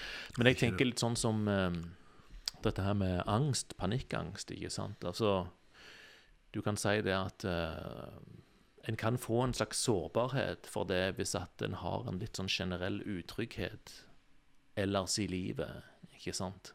At det, altså det, det, det blir nærmest et slags et symptom på, på en slags generell følelse av uvisshet eller Ja, men utrygghet. psykologen var med igjen. Ja. vet du, men, Klarer ikke dy, klarer ikke dy meg, vet du. Det er jo en buffé her, ikke sant? ja, jeg, jeg vet ikke, jeg føler ikke Nei, det, det, Jeg, jeg, jeg, jeg føler gjerne ikke noe sånn utrygg og noe slikt, noe, men det som jeg føler lite grann på Jeg, jeg, jeg, jeg girer på meg for mange ting, Ja, ikke sant? det var det- til. ja, det var det jeg så hvis ikke jeg kan få få utnytta dagen fra fem om morgenen til klokka er mørkt, ni Ja, iallfall. ja, ja. Om kvelden så, så har jeg veldig ring samvittighet. Da har jeg fått gjort lite den dagen. ja, ja. ja for, det var, for det eh, når jeg, når jeg sier utrygghet, eller, så, så det ikke, jeg tenker ikke at en går rundt og er liksom redd og ikke trygg på seg sjøl, men det er mer det at det, er så mye ting i lufta, ikke sant, at eh, altså, så hiver en bare opp flere baller, på en måte. Ja, ja, ja, men, det det. Men, det har, men det har en slags pris, da, at du blir liksom, liksom sle, utsleden på en måte. Ikke fysisk, men mentalt, kanskje. og At du Ja, det gjør det. Og så driver jeg med den her røykinga. Det holder jeg på hele veien skal prøve å slutte, for det, det, det er ikke bra, vet du. Det der greiene. Så Røyker du? Jo, du røyker fremdeles. Så. ja, jeg røyker heftig mye. Du klarer ikke, klarer ikke slutte? Nei, altså, da, jeg, må, jeg må få tak i noen peler og greier. Hvis det er noen som har noen peler liggende som jeg har der, for det jeg girer sånn på. Kan du ikke ta og få deg en vape? Altså sånn, sånn vanndamppistol. Å ja. VAPE. Ja, VAP.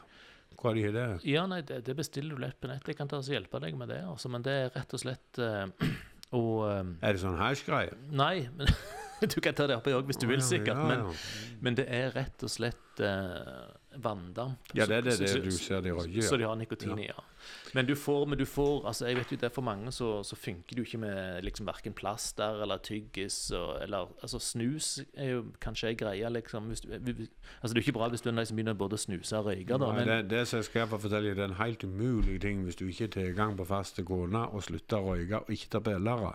Dette her må være i rekkefølgen. Ja. Så må du ha er Du må iallfall Ivan, vet du, han har det der hver gang han er ny koneebne, så slutter Ja. han å røye. for da er det den kyssetida. Og det kanskje jeg må utnytte det jeg òg, hvis jeg skal bli meg ny nå. Og så ta den der kyssetida og sånn, og så få slutt på den røyken. For det, det, er- der, der finnes ingen gode grunn for røyking. Nei, altså. nei, nei, det er ikke det. Overhodet ikke det. Men, men, men en sånn en vape, altså. For da får du likevel den der Det er jo liksom noe sånn fetisjert med Ja, håndbevegelsen og alt det der. Fetisjert? Jeg tror du må være voldsomt Det- Er for noe fetisj? Det er en ska, skade etter for mange år i Oslo universitet. Altså. Jeg prøver jo å, Men hva betyr fetisj? altså, Du fetisjerer, altså du har en fiksering på det. Da, ja, ikke sant, som riktig. så Det, det er ikke noe med feide feite folk? ja. Nei, nei, nei. Men, Nei. men at du, du jeg, altså, jeg røykte jo, jeg røykte jo i, i, i noen år sjøl, altså. I mine Ja. yngre dager. ikke Mm. sant? Så jeg, jeg kjenner jo til den der han, eh, altså røykende pakkede dagen og Ja, ja, det der greiene der. Så Endedagen, ja. at du er Så kunne sikkert du liksom slutte. Ja, ja. ja nei, ja da, men var, men jeg, jeg ser, ser det. Ikke Ja. sant? Så, så, Du fikk det til å slutte. Ja, men jeg tenk, ja, så jeg tenker liksom det med Hvis en ikke klarer Hvis en har prøvd og ikke klarer å slutte på de andre tingene, så kan det godt være en sånn vape. Da skal jeg prøve vapen. For da får du brukt hendene og fikla med hendene og Ja, du fetisjering. må stemmer fetisjen din. Ja. Røykefetisj kan du ha da. Ja, ja, ja. Ja. Nei, men det skal man prøve. For det er ikke noen grunn til å røyke lenger, egentlig. Nei, nei, nå, det, det, det, det finnes ingen Det er helt lens for grunner for å Ja. Og det er pengesluk òg, er det ikke det? Hvor mye Ja, koster jeg det? har å jo ingen drift av de pengene. Jeg vet ikke hva det koster. For bare er det plastikkort, og virker ikke det som jeg finner et annet kort eller panter noen flaske. Men, Ja. men akkurat det henger jeg meg ikke opp i. Men, men, men jeg, jeg, jeg er såpass at jeg, jeg kjøper aldri om jeg er på flyplassen sånn hele kartonger. Tidligere kjøpte jeg bare et parti med kartonger, så hadde jeg jo tilgang hele Ja, ja, veien. ja. Nå, nå røyer det helt tungt, og så, og så kjører jeg ekstra ut til Bjerka og kjøper en pakke. Bare for at jeg skal få minka det ned alt jeg greier. Og I dag har Ja. jeg bare hatt to, to røyer. Det er bra. For det at um, dette er noe jeg vil få til, altså. Jeg har tro på deg. Jeg hadde, en, jeg, jeg, hadde, jeg hadde en sånn en løgn opplevelse. Jeg skulle innom og kjøpe en pakke med røyk for, uh, for svogeren min her. Et, det var en av gangene jeg skulle Altså, jeg føyk til Norge, ikke sant. Og så Det var en stund siden jeg hadde vært i Norge da. Og så liksom Ja, hvorfor jeg kjøpt røyken? Ja, det er der inne. Ja, det er der inne. Så, så liksom, de, har gjemt, de, gjemte, de gjemte det i et rom bak der. Og så selv når du var inne i rommet, så forsto du ikke at det var et rom fullt med røyk. Altså, det var bare grå vegger. Oi. Og så skulle du liksom finne ut hva, hva, hva navnet røyk på røyken var. Altså, de har jo gått, altså, de starta med disse her skrekkbildene, hvor det var liksom sånn Mm. Ja, ja. krefter goma og det ene. Og så funka ikke det. Og så til slutt og så fant de OK, skrekkbildet funker ikke, men da prøver bare å gjøre De har funnet den, den verste kombinasjonen av sånne gråbrune farge. -hmm. Og det er liksom det nå som skal virke. Ja, ja. Men det virker ikke på deg heller. Nei, nei, nei, nei, nei det, det virker ikke noe. Men, Men jeg har styrt unna narkotikaen hele veien. Det har aldri vært noe drift. Han var en eh, nede på Bahamas en gang han kom bort i en bar der. så så sånn Kokain, jeg, da? jeg, jeg, jeg forsto ikke dette før hun på andre sida, og jeg spurte om jeg hadde noe i nesen, eller hva det var for noe. Rolls, Men så var det jeg og Hun forsto at det var noe sånn kokain han skulle selge. da. Selge det til deg, ja. Du har ikke prøvd noe ikke, til og med ikke når du var i Amerika? Jeg har aldri prøvd noen ting, altså. Aldri, aldri det har har jeg greid. Og, og, og jeg har heller ikke lært meg til med det der øl, ølgreiene. Vet du hva, jeg drikker heller ikke sjøl. Altså. Jeg, jeg, har aldri, drukket på fritid, og aldri hatt den tørsten der, egentlig. Eh, det, Ble du, du ikke tørst da? nei, altså, jeg drikker vann, som som ja, sagt, ja, men ja, eh, ja, sånn. Nei da, jeg, jeg må ikke gjøre akkurat som jeg er sånn, for det at, at jeg drikker rå vin, altså, for det var Ja, noe ja. Jesus også holdt på med, det, så da er det liksom Og dere har en del til felles, tross alt. Ja, ja, ja, ikke sant. Det, det, eh, det, det er en god kar. Nei, det var ikke det det gikk på, men, men jeg føler vin er noe de drikker i hele verden, og jeg trives når jeg kommer på Et glass de vin til kvelden. Ja, ja, jeg tenker godt ei fl- Flaske. Ja, flasker, men som sagt, for disse små de der, det er ikke en liter. Du er en svær kar. Det Ja, merker ja, når du så i byslaget. Altså, Ja, iallfall hvis jeg strekker meg ut, så er jeg Ja, ja. Jeg er blitt litt krokete etter hvert. Og det ser jeg på Det var et år det var sju revyer ja, her som hermde etter meg. Og det så jeg alle drev poenget. Jeg ser jo ikke det sjøl, at jeg går og henger meg litt framover. Det er ikke bare for at du ikke har lyst til å på en måte virke overlegen, at du kroker deg litt ned bare for at du ikke Ja, det kan være når jeg var 17, så bodde jeg i et gjærhus, og det var så lågt under taket jeg ikke skulle skalle. Nei, jeg, jeg, jeg vet ikke hva det går i, men det er bare en uvane. Jeg føler med på det, men jeg glemmer meg vekk. Så er det jo en cowboyhatten òg, ikke sant? At det kan være vanskelig å få innover når du går Ja. innendørs. Du, um, du skal begynne i um, Du skal begynne i ny jobb. Det blir et nytt kapittel, på en måte. Eller ja, vi får jo se. Men Ja. du skal fremdeles holde på med, med Ja, ja. Hva er det det firma Er det et firma? Nå, nå heter det Drømmeturer. Drømmeturer. Det var AMS Reisefør, men nå er det Drømmeturer. Ja. okay. Ja, har, vi jeg har lagt de på is i år, men jeg, jeg har full tur påmeldt til, til Irland og Wales, som skulle ha vært i sommer. Og den er Ok. utsatt ett år, så får vi se om det går da. Og så har jeg ikke full, men jeg har 25 jeg skulle hatt 40, men det, det er fordi at jeg slutta å markedsføre ja. som, som eh, til karneval i, i Rio. Og, og, og, men det er jo òg avlyst, så, så den fryser vi òg et år nå, så da blir den i plassen for i februar i, i 21, så blir den februar 22. Så, så der håper vi å få til det. Hvis ikke får vi bare vente. Vi, kanskje må vi ta oss og se oss om. Hvordan er det hvordan, altså, jeg, har, jeg har jo ikke hørt om det reisebyråvirksomheten din heller. ikke sant? Men hvordan er det du vanligvis er det du selger inn det? Hvordan er det du markedsfører det vanligvis? Nei, Hvordan- nei jeg hadde jo eh, AMS-reise. Da var det ti stykker som jobba der, og vi hadde reise overalt hele veien. Ja. Men nå eh, er det bare sånn de ringer meg, så, så jeg har hatt mange turer for Olav og Tom i Stangeland og firmaet deres. Og, Ja. Du arrangerer firmaturer og sånn ja, for dem? Ja, for Bjørn Rygg og hans firma. Og så eh, de turene nå, det er for Nortura, det er fagturer der jeg tar med bøndene i hele Norge fra Nortura. Og så, som Mm. er ute og studerer hvordan andre driver landbruk. Prøver å få noen ideer og litt inspirasjon. og for å være bonde er veldig ensomt yrke. De går hjemme der og trør. Ja, vet du hva, Ja. det er kanskje den eneste tingen en har felles med forfatter. Jeg skal jobber som forfatter, og det er jo litt sånn, du jobber, Ja. for, du jobber for deg sjøl, faktisk. ja, ja, det- Familien, altså Slekta mi er jo mye bønder, ikke sant, så Ja. det er Mm. tankekors. Men hvordan er det du researcher disse herne plassene du skal reise til? Altså, jeg tenker jo sånn Wales, det er jo trygt og greit, men sånn som uh, Jeg reiser, jeg reiser ut sjøl. Du reiser ut sjøl, Ja, og så ja. sjekker du forholdene. Så karneval har jeg vært 13-14 ganger. Første gangen var jeg og Kjell Olav Stangeland, han som drev Jærbladet. Ja, ja. Eh, og, og, og reise. Og så når vi er ferdige med runden, så får jeg etter hvert litt sens av hva som funker og ikke. Mm. Og, og vet, du kan ikke, Hvis dette var Norge, så kan du ikke du kan ikke komme til Norge og så bare gå i Kongeparken og sånne plasser. Du kan ha litt av det, men, men det, det er heim, treffe folk og ikke sant. Du, du må til Horpestad og så være med når de legger i siloen, eller så må du opp eh, når de setter vin på, på eller, eller Du må altså treffe folk og være Mm. med, være med på en fotballkamp der og sånn og sånn. Og det, det, Det er gir det som er- inntrykk. ja, så det er det som er egentlig spesialiteten, da. Ja, litt utenfor allfarvei. Og så først og fremst komme i kontakt med folk. Så, Ja.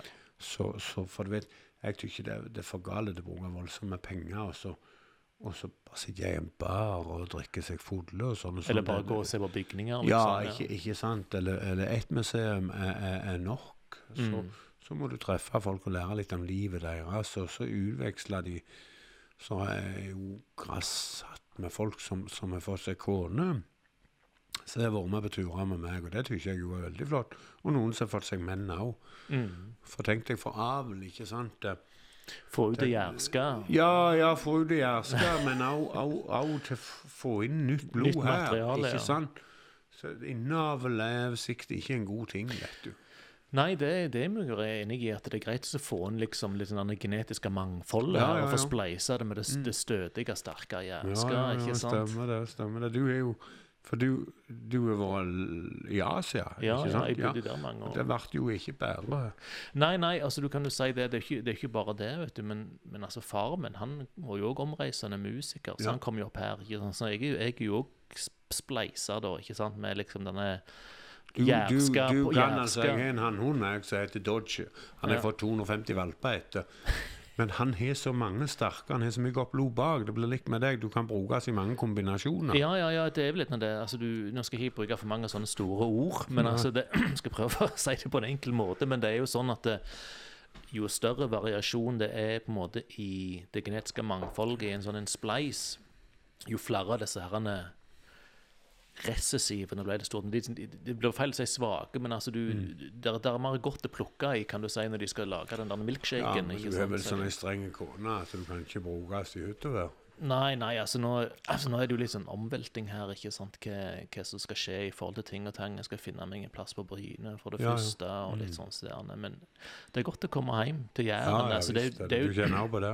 Ja. ja, altså, det var jo litt sånn, ikke, det er kanskje litt sånn med deg òg, men jeg, når jeg bodde ute så lenge, så, så var det jo sånn at jeg plutselig begynte å se denne plassen her litt utenifra. ikke sant? Og mange av de tingene en tar som en selvfølge. For eksempel ikke sant, den ærligheten jærbuene har. ikke sant? Altså, Du setter pris på den brutale naturen. ikke Ja. sant? Altså Denne råe kystlinja. Ah, ja, ja. sant? Og ikke sant, sånn som du sier, den der landsbyen som, som hjalp til med å oppfostre deg på en god måte. ikke sant? ja, ja. Det er ting som du tar som en selvfølge når du kommer fra en sånn en plass, men når du har vært ute veldig lenge, og du, du, du erfarer på en måte hvordan et samfunn er der den der tilliten er mye lavere blant Ja, ja. folk. ikke sant? Det er ikke noe fall, fallnett for Ja, folk. ikke ja. sant? Altså du, det er mer brutalt, og det er jo det selvfølgelig spennende, for at eh, hverdagen blir jo utrolig mye mer dynamisk. Her er jo veldig mye ting er mye likt. ikke sant? Alt er Mm. likt.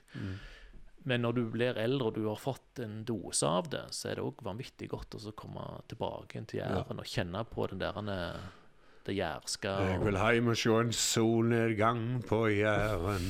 Kjenner den synger vi mye, men når jeg får det til, så samler jeg gamle kompiser som har med Åresten sin, og Ja. flere sånne ekte, den der Grind med knirk der står på Skrettingland. Ja, ja så det er, det er titt ofte at jeg springer opp av hodet her med kamera, har det liggende, så går jeg og knipser litt bilder av, eh, av solnedgangen her, og det er liksom den svære, svære himmelen du alltid går i, ikke sant. Det er, det er fantastisk. Ja, rett og det er det eh, Når du skal ha forskjellige sånne, så skulle du fått gjerne de til å utfordre, eller folk skal spille inn, men en kompis jeg har som heter Trond Helge Mm. Skretting. Eh, han, han, er, han er voldsom på denne her med synging og alt det her greiene. Men Ja. han leder et stort konsern som heter Nordic Crane, da. Men, men, men han, han er på de jærske historiene der. Det er ingen som slår han. Han er ja, så enorme historier. Syns du får han til å svinge innom bør på Bryne men ja, ja, ja. En usedvanlig god mann når du skal ha tak i noen av det gamle og slikt noe. For nå, nå etter hvert er vi de gamle som må fortelle videre Mm. Disse historiene, hvordan det var og sånn og sånn. For jeg merker jo disse unge jærbøene begynner å være veldig moderne. Ja, altså, jeg, det var litt grann av det der Du kan si altså, Jærbu, denne podkasten her, er jo et litt sånn jærromantisk prosjekt. ikke sant? Det er liksom å kitte på og finne hva er det jærska, hvem er jærbuen og alt dette her. mm. Eh, og vi hadde jo Eirik J. Warhaug innom her en tur, ja, ikke sant? ja, ja. Jeg var nabo han før. Var du det? Ja, når jeg var flyttet fra mor, da flyttet jeg til nabogården der. Også. Ja, ja, ja. Nei, for dette det, Altså, ene, ene sønnen hans har jo gifta seg med søstera mi, så det, så det var sånn jeg ble egentlig kjent med han. Men Mm. Men han er vel kanskje òg en sånn en kar som mange av de yngre tar som en selvfølge, vet ikke jeg. Men jeg syns han var en veldig fascinerende person. Mm. Så jeg ville liksom få han inn og diskutere litt og få liksom betraktninger og sånt. For at den er så veldig, det er så veldig enkelt å så på en måte skyfle unna det gamle ikke sant, og ja, få inn det nye, uten at det nødvendigvis der kommer så mye bra med, med det nye. Ikke sant. Eh, Nei, men jeg, jeg, jeg, tar gjerne imot tips altså, med han her. Han er, altså, du sier han er musiker. Er det, er det Nei, nei, nei, nei, Trond Helge Skretting er ikke musiker, han bare synger når du gir han noe sterkt. Men han er så god til å huske historier. Oh, ja, okay. Så leder han jo et sånt stort milliardkonsern, da, men, men, men han er den som er en av de aller beste på historiene på Jæren. Og så er det noen av de gamle som er veldig gode. Men Ja, jeg tenkte, jeg tenkte mest litt på det der det, som- det som de kaller for americana. Altså den der eh, amerikanske felleshistorien altså de, ikke sant, og, og musikken og litt sånn så der. Men dette her er den jæ- litt sånn jærske varianten. Den jærske, det, det ekte, ikke sant? Han eh, Ja eh, Før, vet du Hvis du tar Jæren før og Stavanger og sånn Mm. Eh, da hadde vi utsette. Altså Det var før de fikk alle disse heimene. Det var folk som, som ikke greide seg sjøl. Og så er det der på Jæren, der tok vi vare på våre egne sjøl. Ja. Så de utsette ble syn- synonyme i- ifra Stavanger. For der ikke sant, folk gikk på arbeid, de hadde ikke plass. De, de, men på Jæren der var de med på gården. Mm. Så når det var noen som var utsette, da var de fra Stavanger, for de snakket Stavanger-dialekt. Og de var en grevlig ressurs for Jæren. De var på de gårdene, og og større gårdene var til mer utsette var der. Og det var drenger, og en hjelpte til å ta poteter, eller eple. Nå sa jeg poteter, det er gale. E- Eple. Til potetfestivalen Ja, som har ja. ødelagt ordforrådet til Jærbu. Ja, Ja ja. Eh, på Varhaug så målte du gården hvor store de var etter hvor store melkeramper det var. ikke sant? For de leverte melka i spann, Mm. så de sto. Og nå skal jeg fortelle om dette. Sånn som det var, så arbeidet de hele, hele dagene. Og seks dager i uka med bloddeig, da hadde de fritt. Og da hadde de som regel fått seg en sånn brøytug av det de hadde før, og så med kapsen rett opp. ikke Ja. sant? Og så treftes det utsatte da og sto. Og da sto de med melkerampene. Større melkerampen var, det mer drenger var der. ja, ja, ja. Og på, på Varhav var de store, men, men her nede i Orre, altså Nå er vi på Der nede med Åre gamle kirke. Der hadde de store melkeramp og mye drenger. Og karene sto der på søndag formiddag og diskuterte, og så var det byfolk. Ja. Samme dialekten og de. Det er sånn her han utsetter de, de var galne, ikke sant? De, de var ikke noe flaut med det. Er nei. fra byen. Ja. Så kom dette her byparet, og de kjørte, og Jæren er en vanskelig plass å kjøre hvis du er fra byen, for du svinger til høyre, venstre, så tar du høyre ned med bordet der, og så plutselig du venstre der, og så, så vet de ikke lenger hvor de er. De kommer over Reve, Hodne her, og så kommer de sørover. Og så eh, sitter dette byparet og snakker på sitt fine bybelekt, og så og så sier de første gang vi ser folk, så må vi stoppe og spørre hvor vi er hen, for vi vet jo ikke lenger hvor vi er. ja. Så kommer de der, ikke sant, med den øh, gamle kirka helt der nede, helt der med Årevatnet og, og, og, og sjøen der. Og så der står disse utsatte de karene, og øh, de ruller ned ruta, og så, så kommer han fram, og så sier Unnskyld de, sier han til de karene fra bilen da. Er det havet vi ser der? Ikke sant? Var det Orrevatnet, eller? Nei, det var jo sjøen, da. Ja, Er det høyre? Ja. Er det havet vi ser der? Spør ikke meg, jeg er galen, jeg òg. og, og der er det så, Sånne historier, det er her oppkommer. Ja, ja, ja. Men Ja. Nei, nei. Nei, nei, det, det, for dette, det er litt løye det du, du, du, du snakker om, liksom hvordan disse gårdene ble drevet og litt sånn. Så der, for det var en av de tingene jeg, jeg snakket litt med, med Eirik om, eller spurte han om. For at det, jeg, jeg vokste jo opp med springende rundt på byggefelt. ikke sant? Og Mm. som sånn byggefeltsunge på Jæren, så føler du deg egentlig litt grann sånn lost, egentlig. For Ja. det her, ikke sant, det er, okay, det er jo småindustri her, og litt sånn så der, og så er det gårder, ikke sant? Men når du ikke, har, når du ikke hører til den der bondestanden Nei. sant? mor, mi, mor, mi, mor mi vokste jo opp på gård, men jeg, jeg, jeg var ikke en del av den bondestanden. Og det, det er litt sånn liksom Ja, hva gjør du her, liksom? For Føler du deg litt avviker, da? ja, altså Avviker ja. Nei, nei, nå dro han litt i, med det sa de på Nei, nei, nei, altså, nei så tingen, tingen er vel det at eh, Det som jeg spurte Eirik om, er at eh, Når jeg vokste opp, var jo disse byggefeltene såpass store ikke sant, at det, vi var jo, det var jo en egen klasse omtrent. altså der Byggefeltsungene. ikke sant? Men det Eirik snakket om, det var liksom der stasjonsunger. Ja, ja, Ikke sant? stasjon, Ikke sant? stasjon, ja. For at, eh, for at du begynner å tenke på liksom, ja, hvordan var det her før på hans tid. For at det, da var det jo sånn at du hadde gårdene, og så hadde du folk som jobba på gårdene. Og så var det, det var noen hus rundt stasjonene, Mm. togstasjonene. Og, og hva var det de gjorde på? Altså Det var jo ikke noe Stangeland maskin eller Risa på den tida der. ikke sant? Så hva var det? Var de avløsere? Hva gjorde de på? Ikke Mm. sant? Så, så du kan si den der eh, Ja, ja. Så du, du går rundt Du nevner disse sånne galningene ikke sant, som gikk på gårdene. Mm. Ja. ja, ikke sant. Eh, hva minnes du liksom for de tidene der, liksom? Ja, det kan jeg si, men, det, men du vet, vi har skapt så mye, mye nye jobber som ikke var i den Ja, tida før. Og, og bare ta en ting, vet du Nå, nå øh, Alle gårdene på Jæren passet på foreldrene sine, de passet på ungene sine. Ja, ja. Det finnes ingen nå som ikke eh, leverer foreldrene sine til, til noen gamlehjem, og, og, og ungene setter ut på anbud. Mm. Sånn har det blitt, og du er avviker hvis du har ungene hjemme. Ja, ja. Eh, Så, så der er, der er det blitt veldig mye arbeid til å passe på ungene for oss, for det gjør vi ikke sjøl. Og så, så er vi skapt altså altså, ikke sant, er sånne helsestudio. Jeg er jo helt overgitt på alle folk.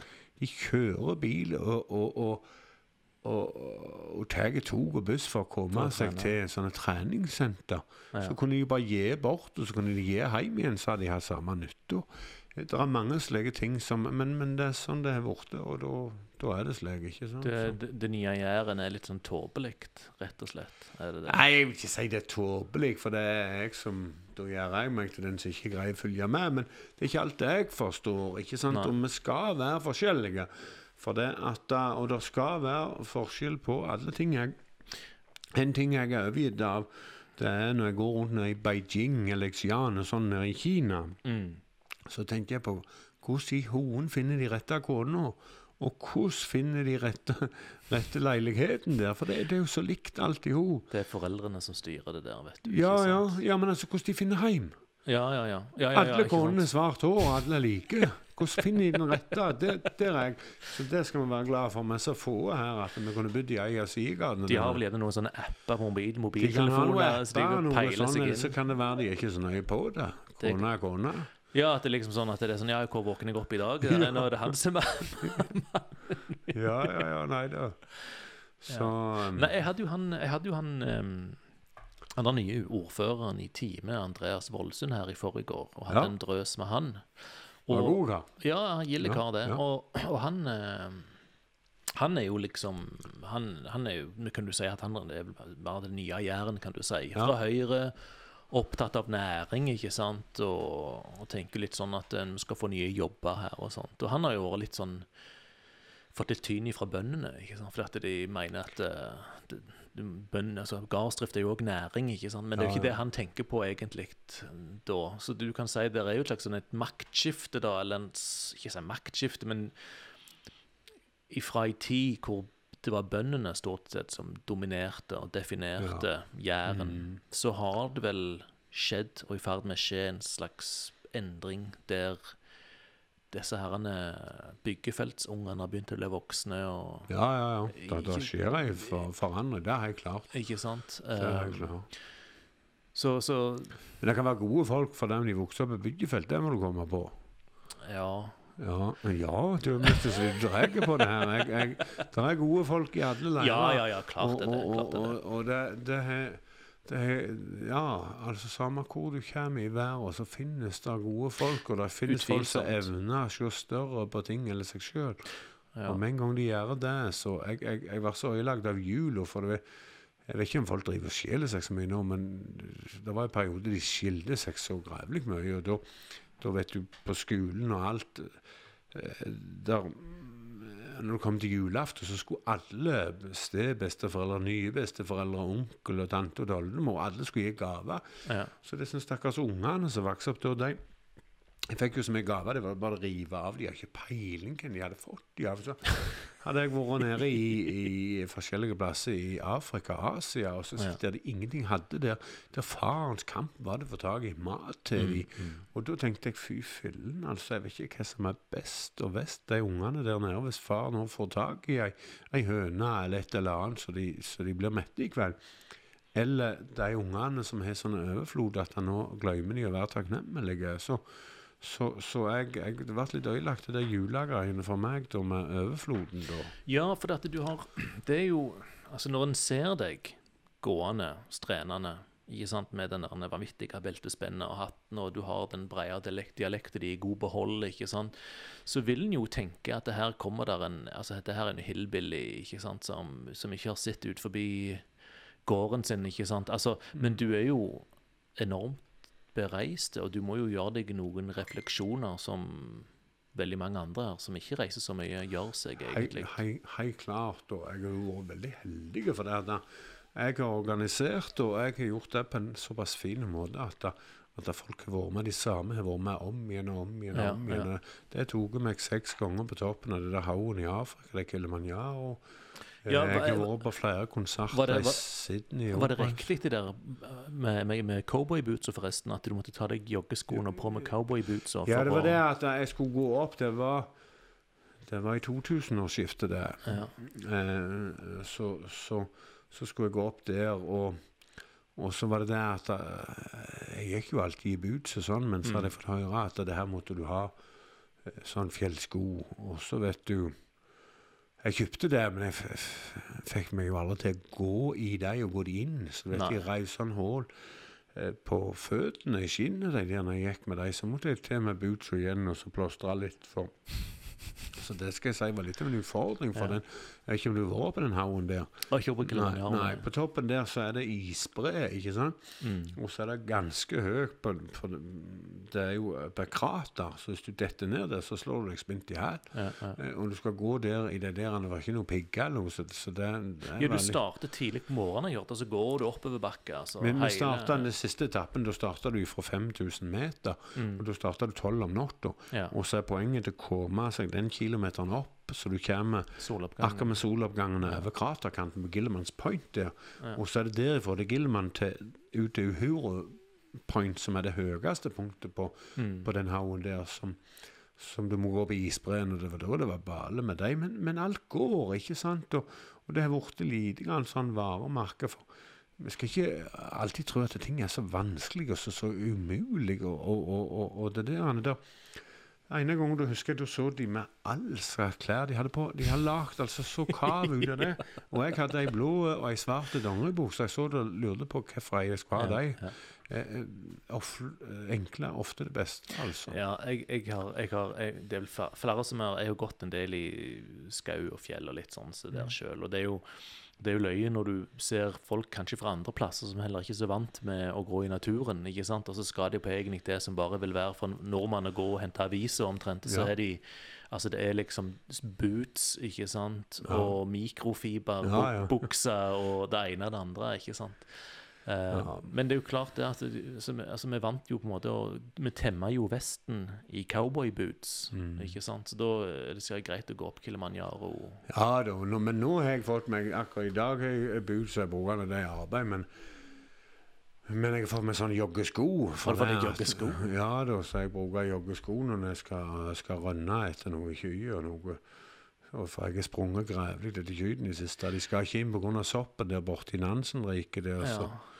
Så Ja, det er for- for meg deg hadde jo 16 avtaler med deg. Sprunget etter ku og sprunget etter ku, og så det var kan.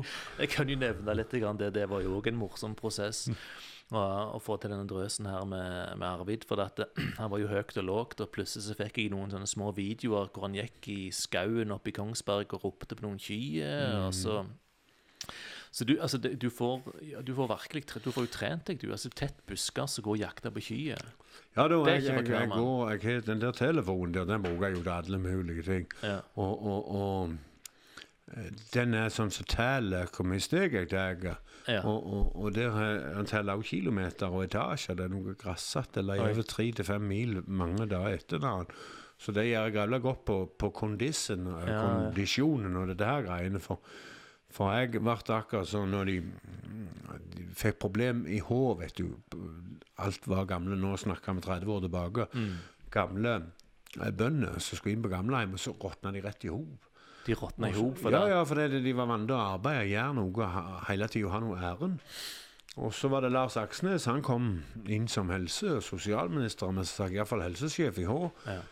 Og, og han måtte få det sånn her som drev og råtna litt i gang igjen. Så, så han nå kan vi begynne å trimme, det må gå litt turer og sånn. Gjøre litt som de gjorde på gården. Men vet, det var ikke en jærbu som kunne gjøre noe uten han hadde æren. Nei, nei, du var Ikke sant? Du Ja. må være nyttig, du må ha Mm. æren. Så det han gjorde da han flyttet postkassene et par kilometer ned i veien, så alle hadde æren og henta posten, og da fikk de den turen hver dag, og da kom de seg i trim. Og Det er det samme med meg. Jeg kunne jo aldri Jeg sprang 60-meteren på skolen da i tolvårsalderen, men etter det jeg aldri vært borti noe organisert idrett eller det som jeg, den, den gangen der. Nei. Jeg sprang på 12,6. Det var ikke, jeg vet ikke om det er fort eller seint, men det var den tida jeg trengte. Mm. Men nå, vet du, hvis du kan få springe til ku, du kan gå noe ufattelig med mil. og Spesielt hvis, du, spesielt hvis du eier den kua der, Ja, så er ja, det bra ja, ja. motivasjon. Stemmer det, stemmer det. stemmer det. Ja. Ehm, jeg tenker Ja, for du springer jo egentlig for harde livet, egentlig. Det er jo det, ikke sant? Fra Ja. det ene til det andre. Mm. Um, jeg tenker det vi har holdt på å drøse nå i uh, snart to timer. Nei, jeg sier jo da, da, det må være en god psykolog, du. Ja, ja, men det gildt, ikke sant, å drøse, så ja. det, det går vanligvis veldig fort. Uh, men jeg tenker at det der kan vi jo, kan vi jo gjøre igjen. Jeg tenker um, OK. Vi må, vi, må være, vi, vi må være litt nyttige her òg, for jeg tenker at du har noen turer nå du skal prøve å fylle opp, og stemmer det? Ja da, og de, de kan jeg melde seg på, men akkurat nå er jeg ikke mest opptatt av det. Nå skal jeg ta noe av det som jeg brenner Okay, gjør for, og så kan vi se om vi kan få det til. Når jeg vokste opp, Ja. så var det i de aller fleste hjemme bilder av kongeparet vårt. ja. og iallfall av kongen. Jeg ser det ikke igjen noen plass. Jeg tykker det at vi har vi mista lite grann den der kongen. den, den, den, den, Vi må til å dyrke lite grann igjen den nasjonalfølelsen. ja. Jeg har tenkt å gjøre noe kraftig med det, og det er okay. ingen som ikke bor i Norge som kommer til å Alle får dette med seg i løpet av før 1. november, så, så er det, da kan vi ha en drøs etter jeg har gjort dette ja, stuntet nå. Det. Men hvis du hører noen, så kan du sende meg sånn e-mail eller finne meg på Facebook. Og, Mm. og så Jeg har veldig lyst til enten leie, men jeg, jeg skulle hatt et bilde av, av kong Harald. Ja. eh, særlig hodet på han da. Og, Ja, og det skulle jeg hatt nå, for jeg vet ikke hvor jeg får tak i det. Nei, men det, det er ikke vanskelig, det. egentlig. Det kan man bare finne på, på nett, på Wikimedia, Commons eller et eller annet ja, men kan, sånt, jeg, jeg- skulle hatt det fysisk til å ta det på. Finner du det bare på Ja, du mener du, du, altså en byste, eller printa ut på nei, papir? printa. Hvis du hadde en byste, hadde det vært helt fantastisk. vet du, Noen sånn shit- shit-greie. Det hadde vært det aller, aller, Hvor- aller beste. Hvis hvor- noen har en byste av kong Harald, Hvor, så hvor stort må dette bildet her være? Nei, nei, det, det, jeg skal bare se etter det. Jeg har et lite prosjekt, så jeg skal bare se etter det. Jo, men jeg tenker, hvor, hvor stort må det være? Opp, hvor mye må være? Eller hvor stort må det være på arket? tenker jeg. ja, ja det, må, det skulle helst vært A- A6, eller hva som er størst av det minste. A6 er lite. Å nei, nei, da må vi ha, du må ha A4 er Dette her er A4. Ja, to ganger så stor som det. OK, så du vil ha et A3, rett og slett? Er det A3 til mindre? Hvordan kan det? Det make no sense. Nei, ikke for meg heller. Er- Galninger som driver Ja. verden. Det er jo det, det. Så det Nei, men da, du fageren, jeg skal hjem og stelle gris og lufte hundene, og jeg har mer, så jeg skal passe på å ikke gå til den ene hesten, for jeg vil ikke ha noe føl på denne årstida. Ja. Men Det får vi til. Vi får til, vi får til et bilde av, av kong, kong Harald til deg. Skulle, jeg, altså, nå, nå, nå trigger jo du meg liksom til å nevne dette med at Venstre har foreslått at vi skal avvikle monarki og litt sånn. Så det er, de det? De har det, de gjorde det for et par dager siden. Hekkeren, da skal jeg virkelig ta Vi skal ha kongen. Ja, ja, ja, for han ligger på sykehus nå, ikke sant? Eller har han kommet ut? Hvordan er det? Eh, Jeg tror han er kommet ut, altså, men jeg er ikke helt sikker, for jeg følger ikke sånn med på nyhetene. Men, Nei, nei, nei. Men du men uansett så har vi prosjekt der alle skal vite hvem kongen er. Det kan godt være folk på Jæren og ikke vet hvem kongen er engang. Spør, spør de unge, unge nå, 14-17 år, om de vet hvem, hvem er som er kongen. Ja, ja, ja. Det er ikke hårfagre eller noe, det er helt ny nå. Hmm. Vet du hva han heter? Ja, så det er jo ikke, det er jo ikke, ny- han er jo ikke ny. Det er jo altså Harald. Det er jo Når ble han innsett? Nei, det vet jeg ikke. Var han dette eller forrige århundre? Ja, nei, det var jo forrige århundre. Ja, ja, men du kan litt, da. Men altså, de som er halvparten så gamle som deg, de kan ikke mye om kongen, og vi må ta dem litt i lære nå. Ja. Ja, ja men det, jeg, jeg skal hjelpe deg med å få tak i det, det bildet. Altså, jeg er spent på hva, hva det ja, det prosjektet kommer. Da kan det være jeg kan få han Harald, hvis han er i form til å være innom på den podkasten. Ja, ja, ja. ja. Det, det, det, du, ser, du ser det er plass her til, til flere, så det, det gilder jo, jo flere ned. Ja, og da, men hvis du er Harald her, så trenger du ikke flere. Han er god drøse. Han, ja da, ja da. Ja. OK, men da vil jeg bare si uh, tusen takk for at du kom til Jærbu. Det var veldig gildt, og jeg føler jeg har vært en psykologtime. Nå trenger jeg aldri vært der Ja, før, regningen kommer seinere. Den kommer seinere. Takk skal du ha. Og til dere her på Sauer. på eh, Hvis vi sa, eller jeg sa mye bra, så Rolls, ikke ta det så nøye. For det, det er ikke alt som får tid å gå innom hodet, men eh, this is it. Ja, jeg tror de aller fleste er veldig glad i deg, selv om det ikke alltid er lett å være Arvid Mæland. Så hold ut for alle de andres del, iallfall. Ja. Thank Ok. you. Ja, Ha det. ha det.